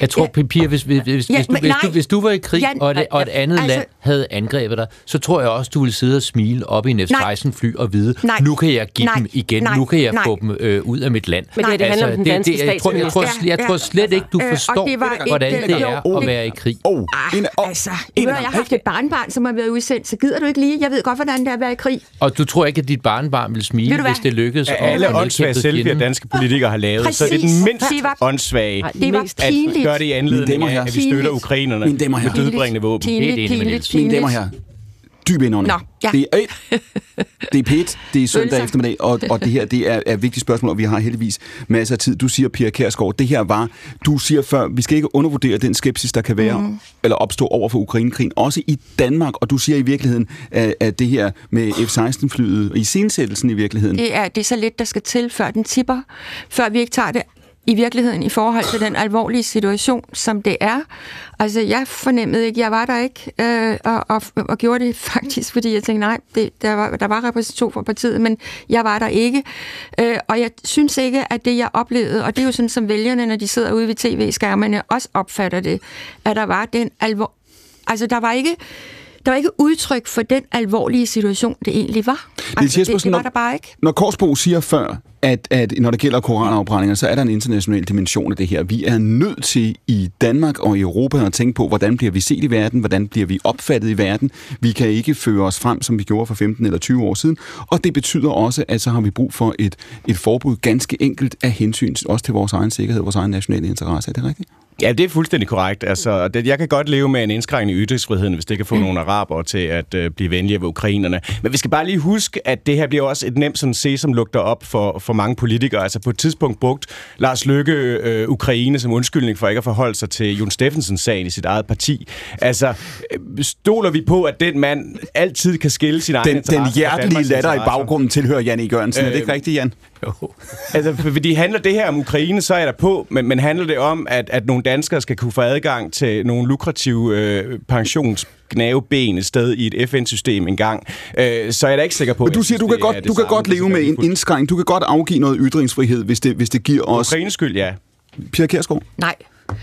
Altså, jeg er meget, meget spændt på, hvordan det her udvikler sig, øh, hvad det bliver for et forslag, vi skal sidde og bøvle med inde i Folketingssalen på et eller andet tidspunkt. Øh, det, det, er- jeg synes, det er grotesk, det her, der er foregået, og det er grotesk i forhold til alt, hvad der i øvrigt er sagt tidligere om blasfemiparagraf og så videre. Altså, alle skal kunne tåle at blive krænket, og specielt religioner, vil jeg sige. Trine? Altså, uanset hvilken religion det er. Jeg synes, det er helt vildt at tage Ukrainekrigen som gissel for at genindføre blasfemiparagrafen en eller anden light variant. Ja. Det forstår jeg simpelthen ikke. Dem, den paragraf kommer til at gå ud over. Det er mennesker, som stiller sig op i protest mod en religion, der er ekstremt undertrykkende. Jeg bryder mig ikke om de afbrændinger. Jeg vil ønske, at de ikke fandt sted. Jeg vil også ønske, at hvis man endelig skulle ind- genindføre blasfemiparagrafen, at man så gjorde det af hensyn til herboende muslimer. Øh, men det gør man så heller ikke. Man gør det af hensyn til øh, måske økonomiske interesser og religiøst domineret mm. øh, styre ude omkring. Det er den elendigste begrundelse nogensinde for at genindføre et eller andet, som er en blasfemiparagraf, som vi heldigvis, heldigvis fik afskaffet i 2017. Korsbos- Jeg synes, det, jamen, det, er bare, jeg, synes, det her Ja. det handler jo om noget andet. Det her det handler alene om udenrigspolitik. Mm. Det handler ikke om hensyn til nogen som helst borgere. Det handler heller ikke om beskyttelse af folks ytringsfrihed i en anden variant. Det handler grundlæggende om at underlægge sig noget, som religiøse regimer siger, vi skal. Mm. Korsbo, når du siger det her øh, forbud, eller i hvert fald det, at man får stoppet de her koranafbrændinger, det var reelt det, du sagde, ikke? det er vi nødt til at gøre. Ikke? Vi har en, en national interesse i at sikre, at, at det sker. Når du samtidig siger, vi skal sikre, at Ukraine vinder krigen nu, vi kan ikke, som statsministeren, lægge til grund, eller komme til at lægge til grund, at vi har god tid, fordi det har vi øh, øh, måske ikke. Ligger der også i det i virkeligheden, du siger, at vi kan ikke i Danmark bilde os ind, at vi har tiden i ryggen. Vi kan ikke bilde os ind, at, at verden er så overskuelig og nødvendigvis går langsomt i den retning, vi håber? Jamen ja, absolut. Altså, vi bliver nødt til at engagere os og engagere os på en positiv måde. Øh, og øh, i forhold til det, der bliver sagt, man kan, man kan jo tolke det, det her lovforslag og, og koranafbrændingssagen alle mulige steder hen, og det, det er også helt fair. Og jeg, mit ærend er egentlig ikke at blive involveret i, hvordan, hvordan man lige præcis skal, skal stoppe koranafbrændinger. Men det er bare et faktum, at det vi gør, og måden der bliver ageret på, det styrker præstestyret, det styrker al-Qaida, det styrker islamisk stat og alle de andre. Og det er derfor, de står og råber og skriger om det. Det er fordi, de har deres egne problemer at slås med, og så giver vi dem en gave. Kærsgaard. Og det er det, det, jeg, jeg synes er super uheldigt. Om du er for eller imod det der forslag, altså... Jamen, mit øh, øh, ærende i det her, jeg er udenrigspolitisk ekspert. Jeg har arbejdet med Mellemøsten gennem mange år. Jeg siger bare, at vi skal gøre os klart, hvad det er, vi er op mod i hele verden. Og Gør det, vi det, er, større det, vi for er os op selv, imod, eller gør vi det ikke? det, vi er op imod, føler jeg, at det er en glidebane, at det her ender ikke med det her. Det bliver andre ting, der kommer på banen. Vi kan se kunstnere, der nu ikke må komme med deres kunst. Altså, det er en glidebane, og jeg tror, at der er en inderlig modstand i Folketinget imod det her. Det tror jeg faktisk. Jeg, også, også, jeg i de tror, parti, også i de partier, der på formelt bakker Ja. Ja. og jeg tror, at øh, vi ender med, at clearingsaftalerne de bliver ophævet, sådan så folk kan stemme, og jeg vil virkelig håbe, at folk ikke bare har fravær eller melder sig syg. Kan det gå sådan, andet. Janne Jørgensen? Er der mere uenighed i partierne? Ja, det er der. Det er da et meget, meget vanskeligt øh, øh, spørgsmål, øh, helt sikkert, og jeg kan følge mange af de argumenter fra, fra begge sider. Jeg synes, Det er et ja på politikersprog, nej, du nej, giver nej, nej, nej, nej, det er sådan, øh, jeg troede, vi havde lang tid og kunne sådan vende og dreje tingene men altså. sådan, ikke? altså det er, det er, det er der skide Selv, selv på P1 løber tiden ud på et eller andet tidspunkt. Ja. Jeg vil, da, jeg, vil da ønske det, jeg vil da ønske, det ikke var nødvendigt. Jeg kan da bare sige, at altså, vores øh, ekspert har jo fuldstændig ret i, at koranopbrændingerne, der finder sted primært i Danmark og Sverige, det er vand på islamisternes mm. mølle. De kan pege på os, og så kan de sige, prøv at se, er det det system, I ønsker? Er det den ytringsfrihed, så gerne vil have, at I vil øh, have, at man skal også skulle stå og brænde Koranen i vores land? Altså ytringsfriheden, den vestlige verdens værdier, har ikke vundet mange tilhængere i de islamiske lande Alright. med de her koranopbrændinger, og derfor bliver vi nødt til på en eller anden måde, så snævert som muligt, at få det stoppet. I går var det et år siden, at den 22-årige Shina Masa Amini mistede livet på et hospital i Teheran. Efter to døgn i koma sov hun ind i døden. Hun blev arresteret af det iranske politi, fordi hun ikke havde tørklæde på, sådan som loven kræver af kvinder i Iran. Ifølge vidner blev hun torteret og tævet af betjentene. Det er en udlægning, som de iranske myndigheder pure afviser. Få timer efter hendes død startede der ved hospitalet en serie af protester, hvor kvinder og andre men kvinder gik på gaden. Ifølge en vurdering, så blev det til de mest omfattende protester siden den såkaldte grønne revolution i 2009. Sidste efterår, der lød det sådan her i landets gader.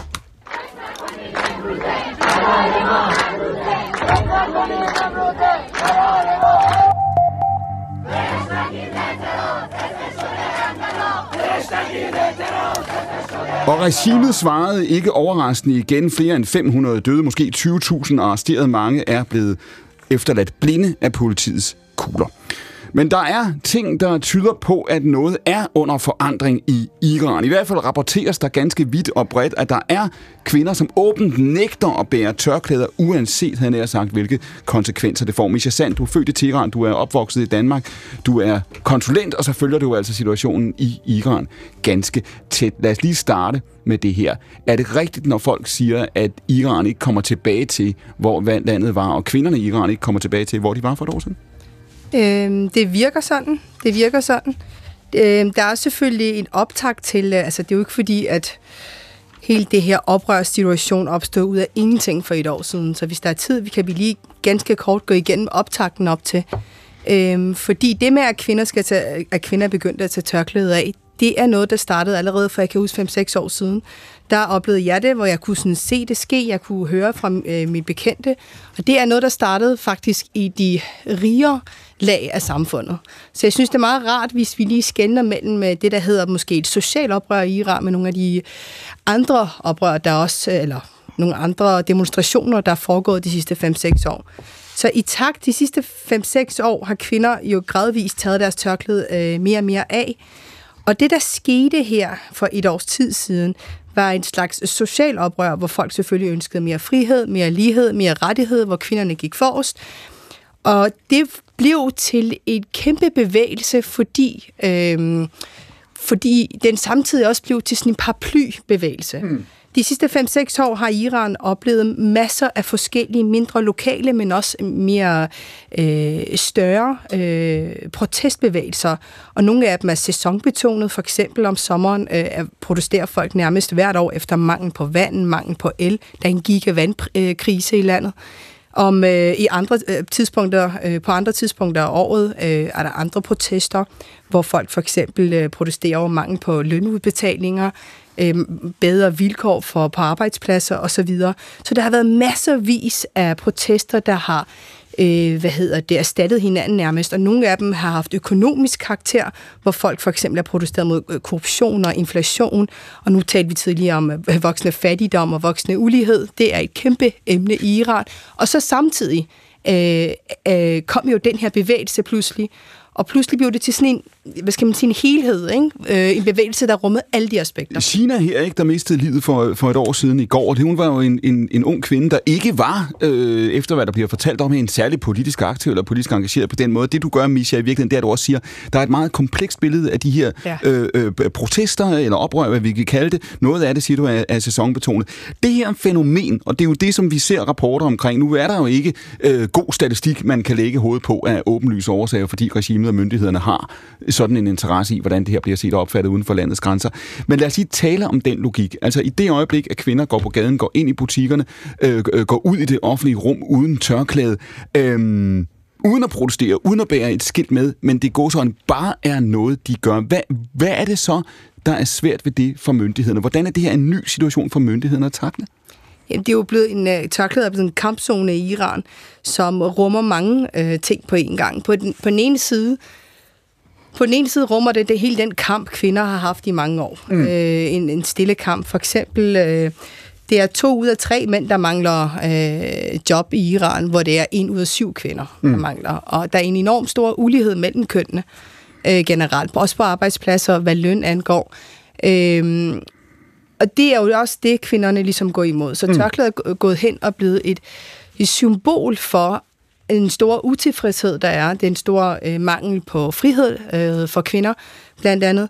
Og øh, samtidig øh, er, øh, er centralmagten jo selvfølgelig øh, stejlet nærmest på det område og nægter at give sig. Mm. De, de kunne meget vel have undgået den her situation, hvis de gav sig lidt og moderniserede landet. Men vi har at gøre med en øh, regering lige nu, og generelt en øh, super stram magtelite, der har øh, strammet magten om sig, og, øh, og det, det, vi har tilbage lige nu i den, øh, i den iranske republiks øh, centralstyre, er udelukkende dem, der er lojale over for øh, det nuværende system. Ligger der også i det, du siger, at hvis det her er blevet en del af hverdagen, som, som, som det bliver nu, så bliver det ganske enkelt umuligt for regimet. Man kan godt gøre det, hvis det er en ud af øh, 90 eller en ud af 100, der ikke har tørklædet på, men hvis det her spreder sig som den her form for, for, for protest, civil ulydighed, kunne man kalde det, så, så er regimet magtesløst. Er de kan, det, de gør lige nu, det er jo selvfølgelig bare at skræmme folk med vildere og vildere konsekvenser. Mm. Men det, vi kan se på den anden side, det er, at det giver ikke det. Mm. Folk bliver ved med at tage tørklæderne af. Og her handler det ikke kun om kvinder, der tager tørklæder af. Det handler også om mænd, der støtter dem. Mm. Øh, der er masser af eksempler på, hvor, hvor, øh, hvor centralmagten prøver at skræmme, lad os bare sige, øh, hvis du nu tog dit tørklæde, hvis du nu var en kvinde, og du mm. tog dit tørklæde af i en butik, så går de ind og straffer butiksejeren mm. og siger, at du skal håndhæve loven på vores, egen, på vores vegne. Det må du simpelthen ikke tillade. Og det har skabt meget kaotiske situationer i landet. Det har skabt masser af situationer, hvor, hvor selvtægt er i spil, øh, hvor folk går udenom loven. Øh, når folk føler sig krænket over en kvinde til tørklæde af, er de på en eller anden måde bemyndiget til at, at tage affære. Og det har skabt øh, en meget mærkelig situation, en meget voldsom situation, hvor du pludselig, pludselig har to forskellige grupper af mennesker på gaden, der slås. Pia Kærsgaard, du gik selv ud, det er mindre end et år siden, hvor du deltog i en demonstration, og du klippede en hårlok af. Ja. Du sagde på det tidspunkt, du kunne ikke lade være. Havde du tænkt det om morgenen, at det skulle du ned og gøre? Overhovedet ikke. Øhm, det var helt spontant hele vejen igennem. Jeg deltog i demonstrationen bare for at støtte. Så blev jeg opfordret til at gå op og sige noget, og det er jo meget nemt sådan spontant at sige noget om den her sag. Fordi der er kun, ja, der er kun en ting, næsten en gentagelse af, hvad jeg lige har hørt. Og så var de jo ude i alt det der med, at netop symbolet, der er mange symboler i det her, at øh, de rundt omkring klippede en hårlok af, for at vise deres hår, og så sendte det til ambassaden, og så faldt det mig ind, da jeg stod deroppe. Jeg sagde, er der ikke lige nogen, der har en saks? Og det var der jo så heldigvis. Men jeg har bare så stor respekt øh, for, for alt det, der er sagt lige nu. Altså, det må jeg sige. Og der opstod jo også den her kvindeliv frihed øh, organisation. Og jeg synes, det er ekstremt stærkt af kvinder i Iran, den måde, de bare bliver ved på, netop med alle de repressalier, der følger, øh, og man kan kun fra vores side, fra vestens side, opfordre til, at de bliver ved og ved og ved. Tag fat i ambassaden, ikke bare den ambassade, der er officiel, men også moskeen der, der, der er klart iransk øh, inspireret. Altså, jeg synes, vi skal gøre meget mere herhjemme for at støtte øh, øh, det, der sker. Fordi det er jo, det er jo ikke bare i gåseøjne tørklæde, der bliver mm. taget af. Det er jo netop symbolerne, altså på frihed, på underkastelse øh, i forhold til de iranske kvinder. Så, så øhm, jeg synes bare, at man... Misha, hvilken, gøre, hvilken forskel kan. gør det i Iran? Hvilken forskel gør det på præstestyret i Teheran, hvad vi siger og gør i Danmark? Altså, vi som Europa, eller vi som Danmark? Vi som Danmark, det ved jeg ikke. Hvad gør man? Man har nogle diplomatiske lege, hvor man øh, tilkalder men, en... Men Europa? Øh, Europa har nok lidt mere vægt, men Europa har også altid kun én plads, øh, hvis, hvis vi snakker om G7 eller G20. Altså, vi er jo alligevel også ikke særlig meget uden USA. Vi er ikke særlig meget uden øh, nogle af de store magter. Og så lad os høre her, Trine Mark, fordi det er jo her, tingene begynder at, at glide sammen, og det er derfor, vi har det her program. Det er for at kunne diskutere ting i den her form for kontekst, når vi taler om pragmatisk idealisme, når vi hører Jakob Korsbo før øh, tale om Ukraine, tale om koranafbrændingsforbud. Vi har en udenrigsminister, som tidligere i år sagde, det her det er Danmarks linje nu. Vi er ikke, hvor vi var før. Vi fører ikke de krige, Niels Jespersen, som vi sendte dig ud i. Ikke? Det er slut. Forhåbentlig. Inshallah den form for, for selvovervurdering, den er vi forbi. Ikke? Trine Mark, det er det, vi hører udenrigsministeren sige. Det vi hører regeringen gøre, vi, vi skal tale med hvem som helst. Ikke også? Øh, vi, skal, vi skal åbne op for hvem som helst. Alligevel har vi regimer som det iranske. Hvor meget kan vi så som, som land gøre, Danmark gøre, Europa gøre? Skal vi, skal, vi, skal vi støtte? Skal vi gribe ind? Skal vi protestere? Skal vi lave sanktioner? Eller skal vi se på de iranske kvinder og sige, vi håber det bedste for dem?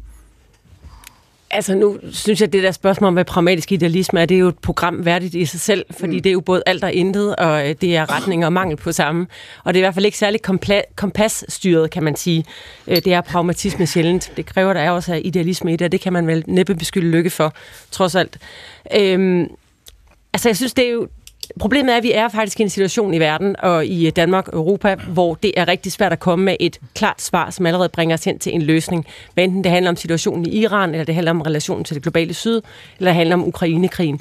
Øhm, og det, er jo, det gør jo den her slags politiske diskussioner svære, fordi der er ingen, der kan komme med et svar på, hvad er det, vi gør, og så er mm. alt godt. Alt kommer med en eller anden logik. Men jeg synes, det, der er vigtigt i forhold til Iran, det er jo, at den solidaritet, som der var jo også demonstrationer og manifestationer rundt omkring i Danmark i går, er jo fuldstændig afgørende. Øh, der, hvor jeg bliver lidt ærgerligt, når det gælder sådan dansk politik ind i det, det er i virkeligheden, Pia, og med al respekt for din øh, afklipning af en hårlok, men du er medlem af et parti, som har sagt nej til at modtage flygtninge, blandt andet folk, der flygter fra regimer, af samme undertrykkende karakter. Og du er også et parti, som ikke ønsker, at Danmark skal give udviklingsbistand. Nu taler jeg ikke om Iran, men i, i generelt til lande, hvor folk også bliver undertrykt. Og noget af det, som dansk udviklingsbistand skal, det er jo netop at hjælpe mennesker til at kende deres rettigheder, organisere sig, så de kan kæmpe for dem, og selv skabe de forandringer, der, der er brug for. Så på den måde bliver det en lille smule hyklerisk, synes jeg. Kærsgaard? Ved du hvad, jeg synes simpelthen, det er for primitivt. Altså, jeg, jeg synes, du skulle holde dig for god til den slags i den her diskussion. Det synes jeg faktisk Men helt ærligt. Hvad det er, I står helt for. ærligt. Og i stedet for at bruge de følelser, som du også giver udtryk for. Jeg synes simpelthen, det er primitivt. Jeg må bare sige, bare for at nævne så andre ting, hvor jeg sidder og tænker på i øjeblikket. Igen mine mange, mange, mange, mange år som folketingsmedlem. Først som formand for et parti, så senere som formand for Folketinget. Der har jeg gentagende gange haft henvendelser fra den iranske ambassade, som vi jo stadigvæk har, og som vi overhovedet ikke tager fat i herhjemme. Det burde vi også gøre at ambassadøren gerne ville møde mig. Jeg har bare fået at vide, at når han kom, så ville han ikke trykke mig i hånden, fordi jeg lige var kvinde. Så jeg sagt, så kan han blive væk. Sagde jeg også som formand for Folketinget, da vi havde alle ambassadørerne derinde, og han måtte blive væk. Altså, jeg synes virkelig, at der ligger utrolig meget i det der, i stedet for at begynde at snakke om flygtninge og for og imod. Man jeg kan tror vel godt ikke, have, Trine Mark, lige nu at sende kvinder til Iran. Det tror jeg bestemt ikke, det er. Men jeg synes bare, Du helt sende folk tilbage ærligt, helt Syrien. ærligt, prøv, prøv at lade os opnå en enighed i det her, i stedet for. Mark? Jamen, jeg ved om enighed om hvad? Altså, at de skal have alt muligt støtte. Jamen, det er jo det, vi sidder og siger. Vi, vi der er tager, jo ingen, der siger det modsatte. Det, er, Jamen, det jeg altså- siger er bare, at jeg synes, det bliver lidt hyklerisk med det der Ja, ja, hårde ja, afklipning. men- men- fordi ja. dit parti står for alt muligt andet oh. end støtte og solidaritet, Men jeg må så bare med mennesker i sige, at du var der ikke, og de var meget glade for det ved demonstrationen, de iranere, der var. Kunne man så det ikke- jeg, jeg, godt jeg, tilfreds jeg, var, jeg var der, og jeg kan give Pia fuldstændig Ja, ret. jamen, der- Jeg holdt også tale ved den demonstration, og Pia blev mødt med jubler altså Jamen. da hun klippede øh, sit hår af. Og det var altså, spontant, det, det, det var ikke at, og, og, og, og vise den støtte på tværs af øh, partier, både partier, der altså har stået på den ene og den anden side mm. af historien, øh, som, som I jo har enhedslisten, altså der stod I på den forkerte side under en kold krig, men altså det, det er jo, jamen det gjorde I da, altså I bygger på resterne af Danmarks Kommunistiske Ja, slap nu af, Jan. Det er da ikke noget med at slappe af. Altså. Du er selv ude om det. Der kan der, der, kan der, der, kan der være lytter, ja. altså nu, du, du har lige kritiseret Lars Lykke for at være uden idealer, jeg er i hvert fald glad for, at han ikke havde de idealer, som I havde under en kold krig, hvor I stod og kindkyssede med hånden. Så er der glad for, at I ikke havde dine idealer længere, bare lige, for at... I er selv op til det. Hør nu her. Godt, mine damer og herrer. Trine, kunne man ikke sige, der er for så vidt ikke nogen modsætning mellem at sige på den ene side, vi går op i, hvilke rettigheder kvinder har i Iran. Det bekymrer os. Vi vil mm. gerne lægge pres på Iran. Vi vil gerne prøve at påvirke landet. Men vi vil ikke nødvendigvis åbne Danmarks grænser for folk fra alle lande, hvor de har problemer. Det er, vel ikke, det der er vel ikke nødvendigvis, det er ikke din politik. Men er det vel ikke nødvendigvis logisk usammenhængende? Nej, men det var heller ikke smart. Det var det bare, fordi det blev sådan lidt som om, det var så solidarisk, og det var den begivenhed muligvis også. Men man kan jeg, vel jeg godt synes, være solidarisk, undskyld, men, Mark, man kan vel godt være solidarisk med, med, med, med kvinder i et land og sige, vi er solidariske med dem, vi lægger pres på regimet, vi gør alt, hvad vi kan, men det er ikke det samme som at sige, at vi åbner vores grænser for alle Nej, i verden. Der, det er rigtigt. Men nogle gange så er folk nødt til at flygte fra de regimer, så synes jeg, man har en pligt til at tage imod og hjælpe. Det var sådan set det, der var den underliggende pointe. For at komme tilbage til Iran, det svære er jo her, mm. at der er jo sanktioner mod de iranske styre, og det er svært at se, hvad Danmark rent faktisk gøre, ud over at udtrykke solidaritet med, den, med det oprør, der er i gang, med alle de forskellige karaktertræk, som det oprør jo har. Ja, og lad os lige holde fast i den, fordi det er en ting, hvad Danmark gør, noget andet, hvad Europa gør, så er der jo altså også USA. Og præcis det her spørgsmål er skudt helt op i toppen af den amerikanske dagsorden i den her uge. Fordi mandag, der meddelte USA's udenrigsminister Anthony Blinken, at fem amerikanske fanger vil blive sat fri i Iran. Til gengæld har USA så lavet Iran få 6 milliarder dollars, som i dag står indefrosset. Pengene må dog kun bruges på det, som Blinken fortæller er såkaldt humanitær indkøb.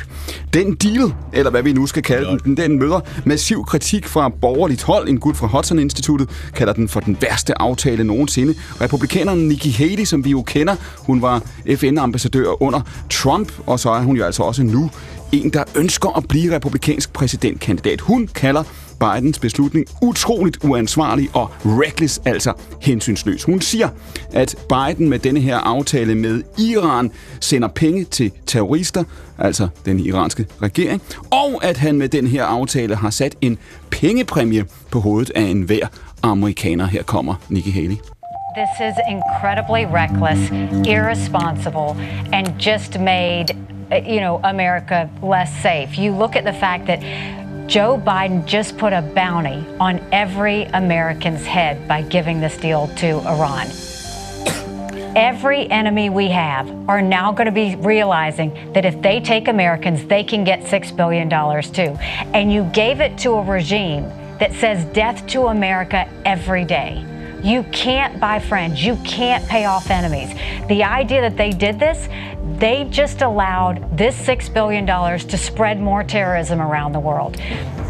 Sådan altså analysen her fra Nikki Haley. Janne Jørgensen, er det her, hvad pragmatisk idealisme er? Er det, vi ser Biden-administrationen gøre nu, det nye normal i international politik, vi kommer til at handle med, chakra med, alle mulige regimer, også det iranske? Altså det kan man selvfølgelig, altså det kan man selvfølgelig frygte, øh, men altså øh, vi har jo vi har jo prøvet det andet. Altså jeg tror da at, øh, at vi er rigtig mange der er utrolig skuffet over det der skete i Afghanistan for eksempel, hvor vi med altså øh, øh med våben i hånd øh, fik nedkæmpet et fuldstændig vanvittigt regime, nemlig øh, Taliban. Og så går der, hvad går der, øh, 20 år, og så kan vi se, at så er de, øh, så er de tilbage, mm. og, og det er åbenbart umuligt for befolkningen selv øh, at holde dem nede. Så altså, der, altså, der er jo nogle øh, forhold rundt omkring i verden, som man kan kigge på med undren og tænke, hvad pokker er det, der sker? Altså Iran for eksempel, som jo selv i sin tid væltede, væltede sjælen mm. for at få et ayatollah-regime, og først nu er der heldigvis ved at sprede sig modstand. At nogle af de her ting, kan, altså, der tror jeg bare, at vi på et eller andet tidspunkt bliver nødt til at realisere, at vi kan ikke løse alle problemer i hele verden på en gang, og vi er nødt til at agere i verden, og, som den ser ud. Misha, du ser på det sidste spørgsmål her, altså nu ser, har vi den her aftale, som amerikanerne har indgået, den har vagt massiv debat i, øh, i USA, kan man roligt sige, ikke? Af de, af de grunde, som vi hørte Nikki Haley øh, liste op her. Hvad tænker du, når du ser på Europa, når du ser på, øh, på, på USA, den udvikling, der er i gang i Iran, det du starter med at beskrive med kvinder, der tager tørklæderne af, mænd, der bakker dem op, noget som er et nyt fænomen i et kludetæppe, ikke? et persisk tæppe af, af oprør i, i forvejen. Er det noget, der har en indre logik, som måske vil forandre Iran, eller allerede har gjort det, eller er det noget, som kun for alvor får betydning, hvis der kommer international pres på? Der er jo mange spørgsmål der. Øh, hvis vi starter med Nikki Haley, så kan man jo det er jo ikke noget nyt, at Iran har jo uh, fyldt rigtig meget i amerikanske mm. præsidentkampagner, altså for altid, i mm. al den tid, jeg kan huske. Ja. Har Iran været et af de, Iran og Kina har været de to øh, emner, som har fyldt rigtig meget. Og det, der er problemet med republikanerne lige nu, det er, at de, med Trump trak de sig jo ud af den der atomaftale, øh, og nu står de der med håret i postkassen og endnu ikke har fået en aftale i hus, og de starter fra bunden. Ikke? Og øh, på Irans side har de jo haft dem, der forhandlede atomaftalen tilbage i 2015. Der er ingen af de teknokrater, der sidder øh, mm. på, deres, på, på de pladser længere. Så der er ligesom en situation, øh, det er som om, vi bare har mistet 10 års forhandling. Så, øh, og det, der er så sket, det er, at nogle af de her problemer kunne have været undgået, hvis man bare havde en linje Men, mellem to. Men vi skal lige blive færdige, ja. fordi det er et enormt vigtigt punkt, øh, det her. Fordi vi taler hele tiden om afstraffelse. Iran skal straffes for flere sanktioner, og vi får intet ud af det. Mm. Vi skubber dem længere væk. Og jeg ved godt, det her det virker ret rabiat lige nu i den øh, sfære, vi er, hvor, hvor, vi, hvor mange er enormt emotionel omkring det, der sker i Iran hele tiden, og drabstallene er høje, og der er ikke andet end fordømmelse. Mm. Men helt pragmatisk er vores svar altid flere sanktioner, isolere Iran, mm. og, og, og, hvad hedder det, og straf dem. Men hvad fører det til? Det fører til endnu mere rabiate islamistiske tilgang. De mennesker, der er på magten lige nu, er jo nogen, som slet ikke var ved magten for, altså udover lige øh, Khomeini selvfølgelig, øh, for, for 6-7 år siden. Så det, og, og, når jeg prøver at sige, at når vi eliminerer mm. den pragmatiske linje, mm. så eliminerer vi også løsninger. Da den iranske udenrigsminister, han havde et tæt forhold til John Kerry i 2015, mm var der flere tidspunkter, hvor en diplomatisk krise var ved at opstå i golfen, hvor de lige ringede til hinanden og fik det. Så du skubber ikke det der... Det, det, den mulighed har vi ikke nu. Så du siger, det der med den hårde linje, de hårde sanktioner, er det der, du tror ikke på det, du tror, det vil radikalisere regimet? Iran er det mest sanktionerede land, muligvis mere sanktioneret end Rusland lige nu. Og det har i 40 år stået til, og det har ikke ført til noget godt. Alright, lige en sløjf på her, Misha. Tilbage til det første spørgsmål. Det, det er når man ser på det, der er sket i Iran over det her år, kvinder, der tager de her tørklæder af, de rapporter, man kan læse. Bliver det ved, tror du? Eller kan man forestille sig, at regimet i forsøget på at slå det ned, i forsøget på at skrue uret tilbage, kommer til at finde øh, så hårdhændede metoder, at det går i sig selv igen? Jeg øh, har svært ved at se, hvordan det går, ud, øh, det går i sig selv nærmest, øh, netop fordi, at øh, der er flere... Øh, der er flere områder på den krop, der hedder Iran, der lider lige nu. Og fattigdommen er altså virkelig, virkelig høj, og den mm. Øh, stiger lige nu. Jeg har masser af tal på, hvordan fattigdomsgrænsen og nogle af de mennesker, der er i, i konstant fattigdom lige nu, øh, hvordan deres, øh, og hvordan den ligesom, det tal stiger lige nu, er, er stigende. Og det er et kæmpe problem, og de mennesker bliver ved med at gå på gaden. Du sagde tidligere, at... Og, undskyld, friheds. Ja. Dem, der kæmper for social frihed på den ja. ene side, og dem, der kæmper for bedre økonomiske muligheder på den anden side, det er altså to stærke muskler, der kan, der kan, der kan opnå meget de kommende år. Det sagde Misha Sand. Det her, det er akkurat P1 søndagsavis. Vi diskuterer, som I kan høre, alt, hvad der sker i verden og alt, hvad der sker i Danmark. Det gør vi med et panel. I dag er panelet Pia Kærsgaard fra Dansk Folkeparti, Trine Pertumak fra Enhedslisten, Janne Jørgensen fra Venstre, og så i denne uge kun en enkelt chefredaktør, Niels Jespersen. Vi har dog en professor med i studiet, selvfølgelig. Det er Michael Svig Havschild. Ham skal I møde om et øjeblik. Det skal handle om et af de, klima, et af de temaer, som vi i den grad også har dækket i udsendelsen her, siden vi gik i luften nytårsdag, nemlig klimaet, der ikke bevæger sig fra toppen af dagsordenen. Direkte frem til klokken 14. Dette er akkurat. Isen på Antarktis ligger i år markant under det sædvanlige. Den fylder 17 millioner kvadratkilometer, og det er 1,5 millioner under gennemsnittet i september, og markant under de tidlige bundrekorder.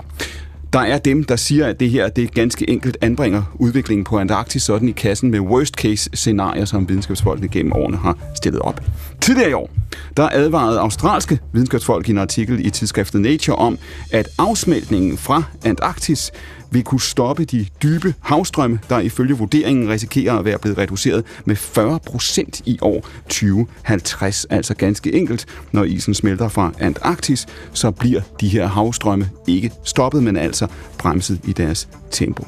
Og de her tal fra Antarktis, som jo altså er kommet øh, her på det allerseneste, er kun den seneste nyhed i et år, hvor vi jo altså har set en række nye og fra videnskabsfolkens øh, synspunkt ganske bekymrende øh, vejrrekorder. Michael Havschild, du har arbejdet med bæredygtighed i en årrække, du har fulgt det her felt, så nu kan man sige, at en ting er diagnosen, noget andet er øh, løsningerne. Og du siger, når det gælder bæredygtighed, når det gælder opgaven, arbejdet med at finde løsninger på det her, så er vi nødt til at gå fra at tænke i det, der er bedre, til det, der er godt nok. Hvad mener du med det?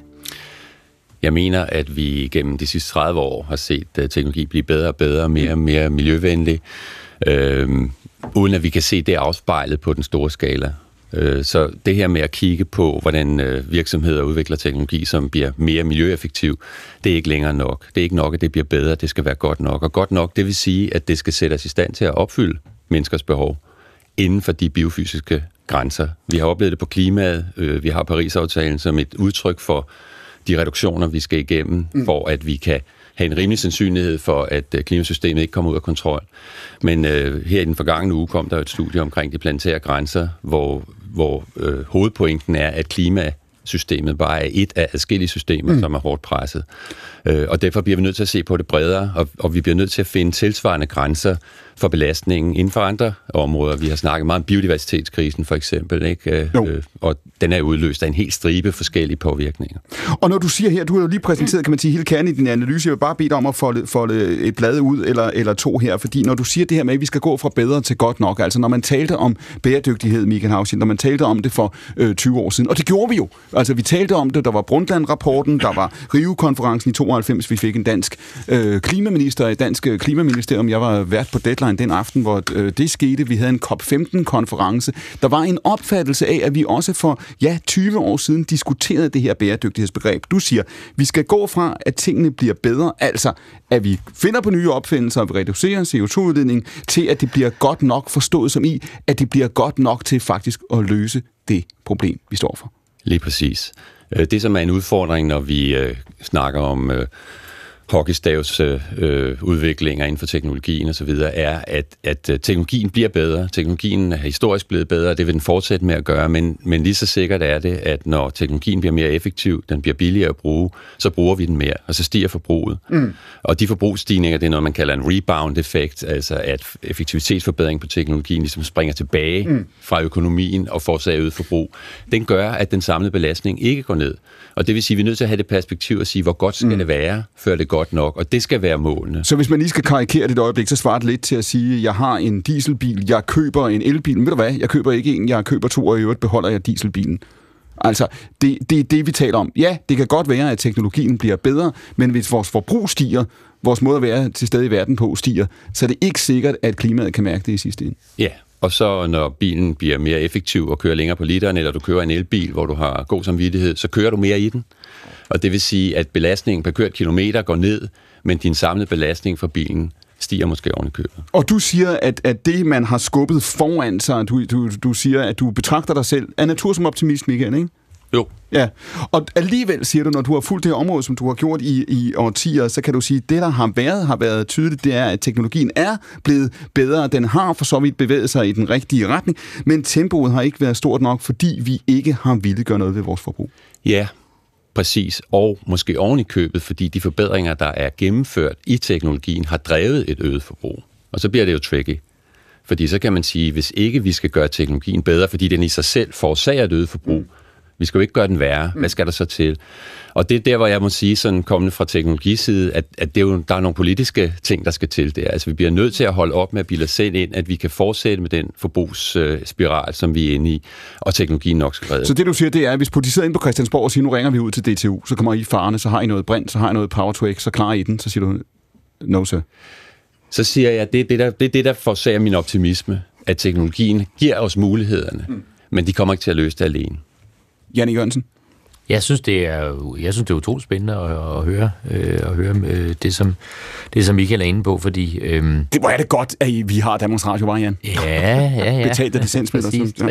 Præcis, 3,6 milliarder ja. på finansloven, ikke længere licens. Ja, det er rigtigt. Øhm, og, og nu til det, og, men, men det lyder lidt som om, du taler meget sådan om, om, om vores forbrug, altså i den vestlige verden. Jeg synes jo må, måske virkelig, det er mere interessant at kigge, kigge ud i verden. Altså, der er en masse indere, der er en masse kinesere osv., og det der med at forestille sig, at de vil være tilfredse med at leve på den måde, de lever i dag, med det antal biler, de har, og det antal computer, de har osv., det tror jeg er rystende naivt. Altså, de vil selvfølgelig have den øh, velstandsstigning, som vi har haft her i Vesten også.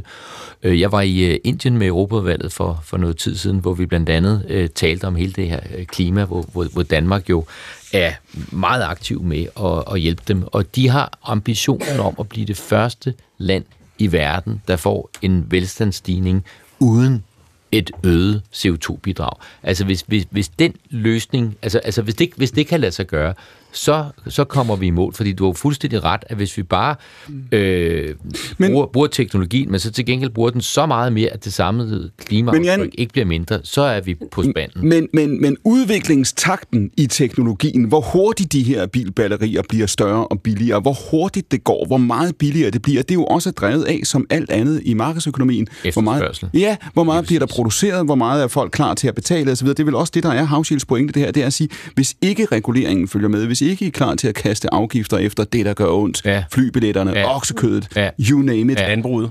Men det, og det er jo også derfor, vi taler om at indføre øh, CO2-afgift og øh, øh, flyafgift osv. Det er jo ikke fordi, vi synes, det er sjovt, at det, det skal være dyrere at flyve eller spise en oksebøf mm. osv. Det er fordi, vi er også nødt til at bruge Altså dels for at få industrien til at omlægge, mm. for de her opfindelser til at blive opfundet, men også få øh, folk til ikke nødvendigvis at forbruge mindre, men forbruge mere klimavenligt. Havshild, der er jo dem, der vil sige, det er jo også et argument, man hører i denne her debat. Mange af de løsninger, vi har brug for, dem har vi øh, for så vidt, vi kunne omstille. Altså hvis vi var klar til at bytte noget af vores velfærd, nogle af vores rejser, noget af alt det andet, vi har for noget af det her, og betale mere end, end 700 kroner for en flybillet, øh, så, så ville det gå meget hurtigt. Er det rigtigt?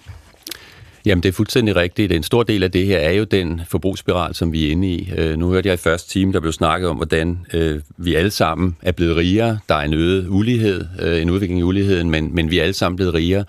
Og, og det er jo en stor udfordring i det, er jo netop det her, det er, jo, det er en relativ fattigdom. Man mm. oplever, at der er nogle ting, man ikke kan, som andre kan. Mm. Jeg fløj første gang, da jeg var 12 år. Mm. Anden gang var jeg 18. Mm. Ikke? Altså no, i, i år, der er det jo, hvis ikke, hvis ikke man er på en, en chartertur, i hvert fald en gang om året, mm. så er man berøvet, så kan man ikke det, de andre kan. Og det er den, vi bliver nødt til at prøve at finde ud af, hvad er egentlig et godt liv? Hvor, hvor, hvor meget skal der til, før vi kan leve et godt liv? Niels Jespersen, vi har en klimaminister, der siger, at 80% af befolkningen skal bakke op af den klimapolitik, vi fører. Vi har en statsminister, der har sagt, at hun vil ikke blande sig i, øh, om folk spiser øh, spaghetti med kødsovs eller, eller ej. Undgår politikerne det? Undgår politikerne lige meget, hvilken farve regeringen har? Hvilken farve har regeringen lige nu, Jan? mens vi vil. Hvis du... Jeg ved ikke, hvad man får, når man blander Kameleonfarvet. Rødt, rødt, og, rødt og blåt. Nej, ja, det er jo magenta. magenta. Ja, det er lykkes, lykkes farve, ikke? Så, altså, jeg ved det ikke. Kan du se, hvad det er for en konklusion, du leder dig selv frem til her? Nej. Nej, det kan jeg heller ikke. Niels Jespersen, det er lige meget, hvilken farve regeringen har. Undgår man det her, når, når, når vi også hører øh, Michael sige det? Undgår man det her med at sige, når man altså, vi bliver nødt til, vi kommer til at se politikere, som i de kommende år kommer til at gribe ind i vores private liv på en måde, som de aldrig havde forestillet sig, at de skal. Jamen, det, det, det gør de. Jeg vil så sige, at de mennesker, der efterspørger statsministerens kostråd, er jo nok dem, der øh, tiltror statsministeren mindst øh, kompetence. Makrel jo. Noget, som er, ja, præcis. Kostråd, ja. Synes makrel, det ja, er sindssygt sundt. Øh, makrel i diesel, det kan anbefales.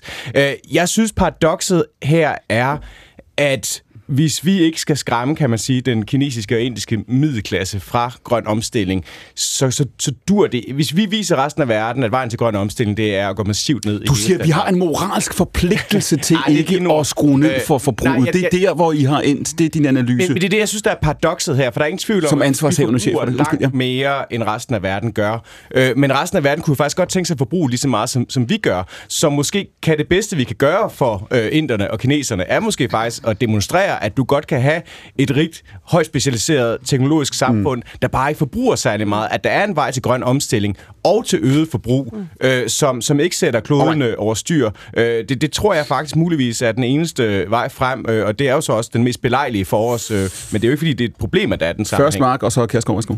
Ja, for det første vil jeg sige, man kan godt få 80 procent af befolkningens opbakning til sin klimapolitik, hvis den er ambitiøs nok, og hvis den er socialt retfærdig. Og det er faktisk et spørgsmål om politisk vilje. Det er jeg ikke sikker på, at den siddende regering har. Øh, Hvad mener det, du præcis det, med det, at det er et spørgsmål om politisk vilje? Fordi at der sker ikke nok på klimafronten. Altså, sige, noget af det, der virkelig er interessant her, er jo, at teknologien findes jo faktisk. Noget af det, der mangler, det er politisk vilje til at gennemføre de store ting, der skal til herunder en CO2-afgift på landbruget, som gør, at den sektor også bliver afgiftsbelagt på en måde, der står mål med den måde, som det udleder CO2. Det er den ene ting. Og den anden ting er, jeg, jeg er egentlig ikke så... Det der med at lægge afgifter i kølerdisken, det er jo blevet en meget ideologisk diskussion. Øhm, for mig at sige, så handler det egentlig ikke om, at man ikke skal gøre det, men det handler om, et, det skal være socialt retfærdigt, to, det er ikke der løsningen ligger alene, for det kan ikke privatiseres. Man er nødt til også at se på, hvordan industrien herunder landbruget øh, agerer. Så omkring det med forbruget, øh, selvfølgelig skal vores forbrug samlet set sættes ned. Spørgsmålet er bare, om alle skal skrue ned for deres forbrug lige meget. Og det skal det ikke. Skal velfærdsforbruget så det også skal, ned? det skal det ikke, fordi det vil ikke være socialt retfærdigt. Og igen, man er nødt til at se på, hvor er det, de største udledere sidder, hvor er det, investeringerne finder sted i den fossile industri, og det er de steder, man skal skrue på knapperne. Altså, regeringen er nødt til at lade retlåsen slå fra, og køre i en anden retning, fordi ellers så ender det simpelthen galt. Og vi ved godt, teknologien er der, vi ved godt, hvad det er for nogle politiske redskaber, der skal til, og dem skal man se at få op i værktøjet. Pia Kærsgaard, øh, øh, tror du, at det her det bliver en virkelig kløft? Altså, at vi kommer til at se det her klimaspørgsmål, præcis de ting, vi taler om nu, afgifter på oksekød, afgifter på flybilletter. Bliver, kommer vi til at se det her blive et spørgsmål, der kommer til at polarisere danskerne mm. på en måde, vi kan se før? Ja, ja, det tror jeg, det tror jeg virkelig. Og jeg må sige, at øhm, indtil videre, har jeg nogenlunde tillid til klimaministeren. Altså indtil videre. Han har selv beskæftiget sig med hele emnet, inden han blev minister. Jeg tror på, at han har forstand på det.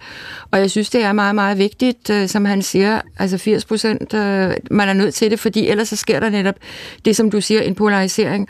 Og jeg tror, det er ekstremt vanskeligt, hvad vi gør nationalt til at få det til at fungere globalt.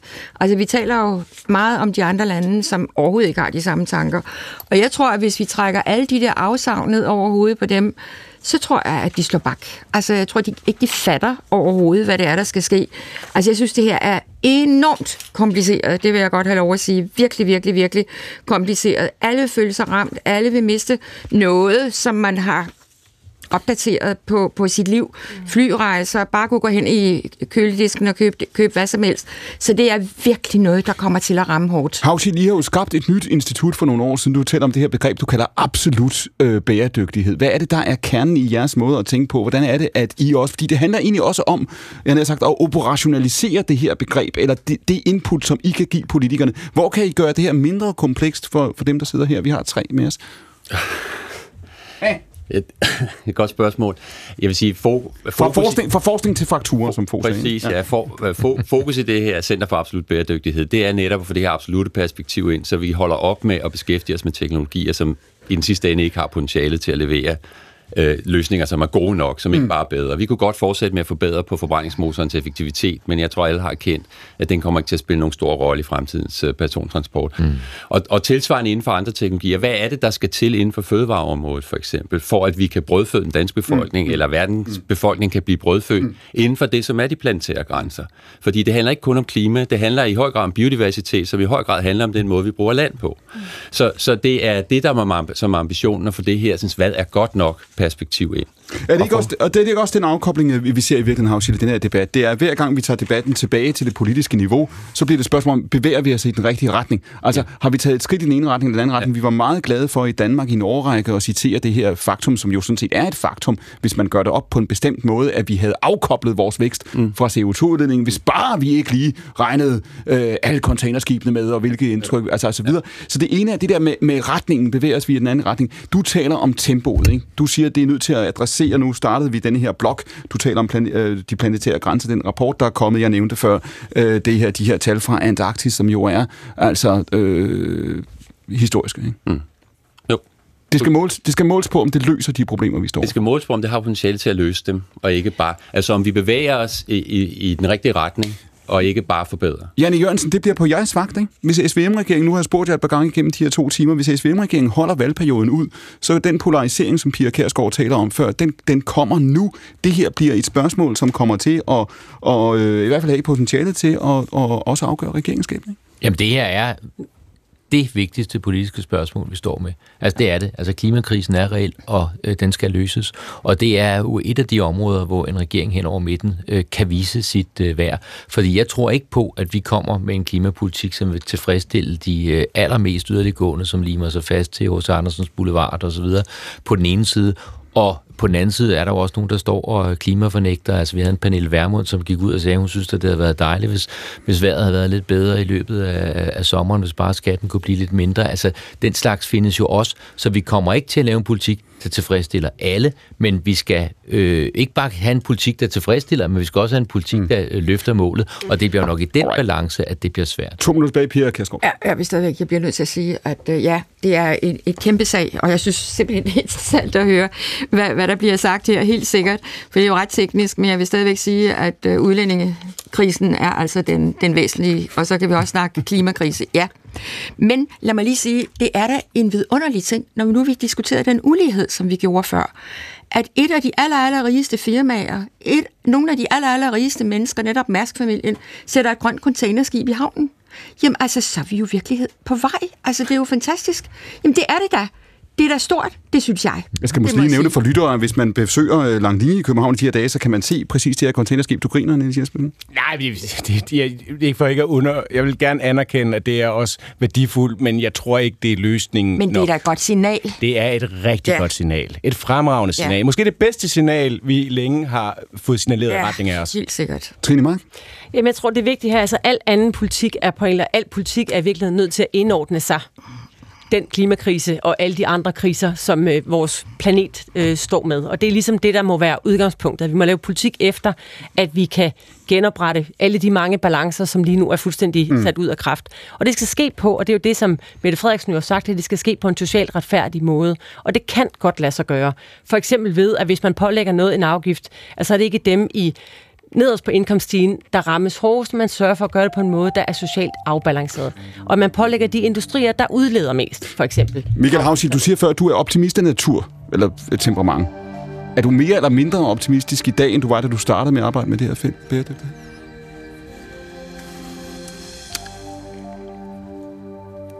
Det er meget svært at sige. Jeg møder en masse unge mennesker jo Åh, på, det på var en vores god uddannelse. pause lige og, der. Øh, og øh, jeg får tit det spørgsmål, øh, og, og vi er jo nødt til at holde håbet op selvfølgelig. Altså min optimisme ligger som sagt i, at teknologien til at gøre der er det. Pessimismen kan ligge i, om vi vil, om vi gider redde planeten. Det sagde Michael Havshild. Jeg havde en chef engang, Michael Bertelsen, der var særligt begejstret for pauserne. Jeg tror, jeg klipper den her og sender den til ham. I panelet, Pia Kærsgaard, Trine Pertumak, Janne Jørgensen, Niels Jespersen. Produktionsassistent er Frederikke Ernst. Producer i dag var Sara Svarp Randeris. Og redaktør på programmet er Louise Rømert. Mit navn er Clemen Kærsgaard. Husk, jeg siger det igen. Du kan sende os spørgsmål, indlæg og kommentarer, forslag til emner, forslag til gæster. Det kan du gøre ude på de sociale medier, hvor vi forsøger at følge med. Eller du kan gøre det ved at sende en gammeldags e-mail, de eksisterer endnu, til clement Vi er tilbage på søndag kl. 12.15, men nu er der radiovis for det der program 1, og klokken er 2.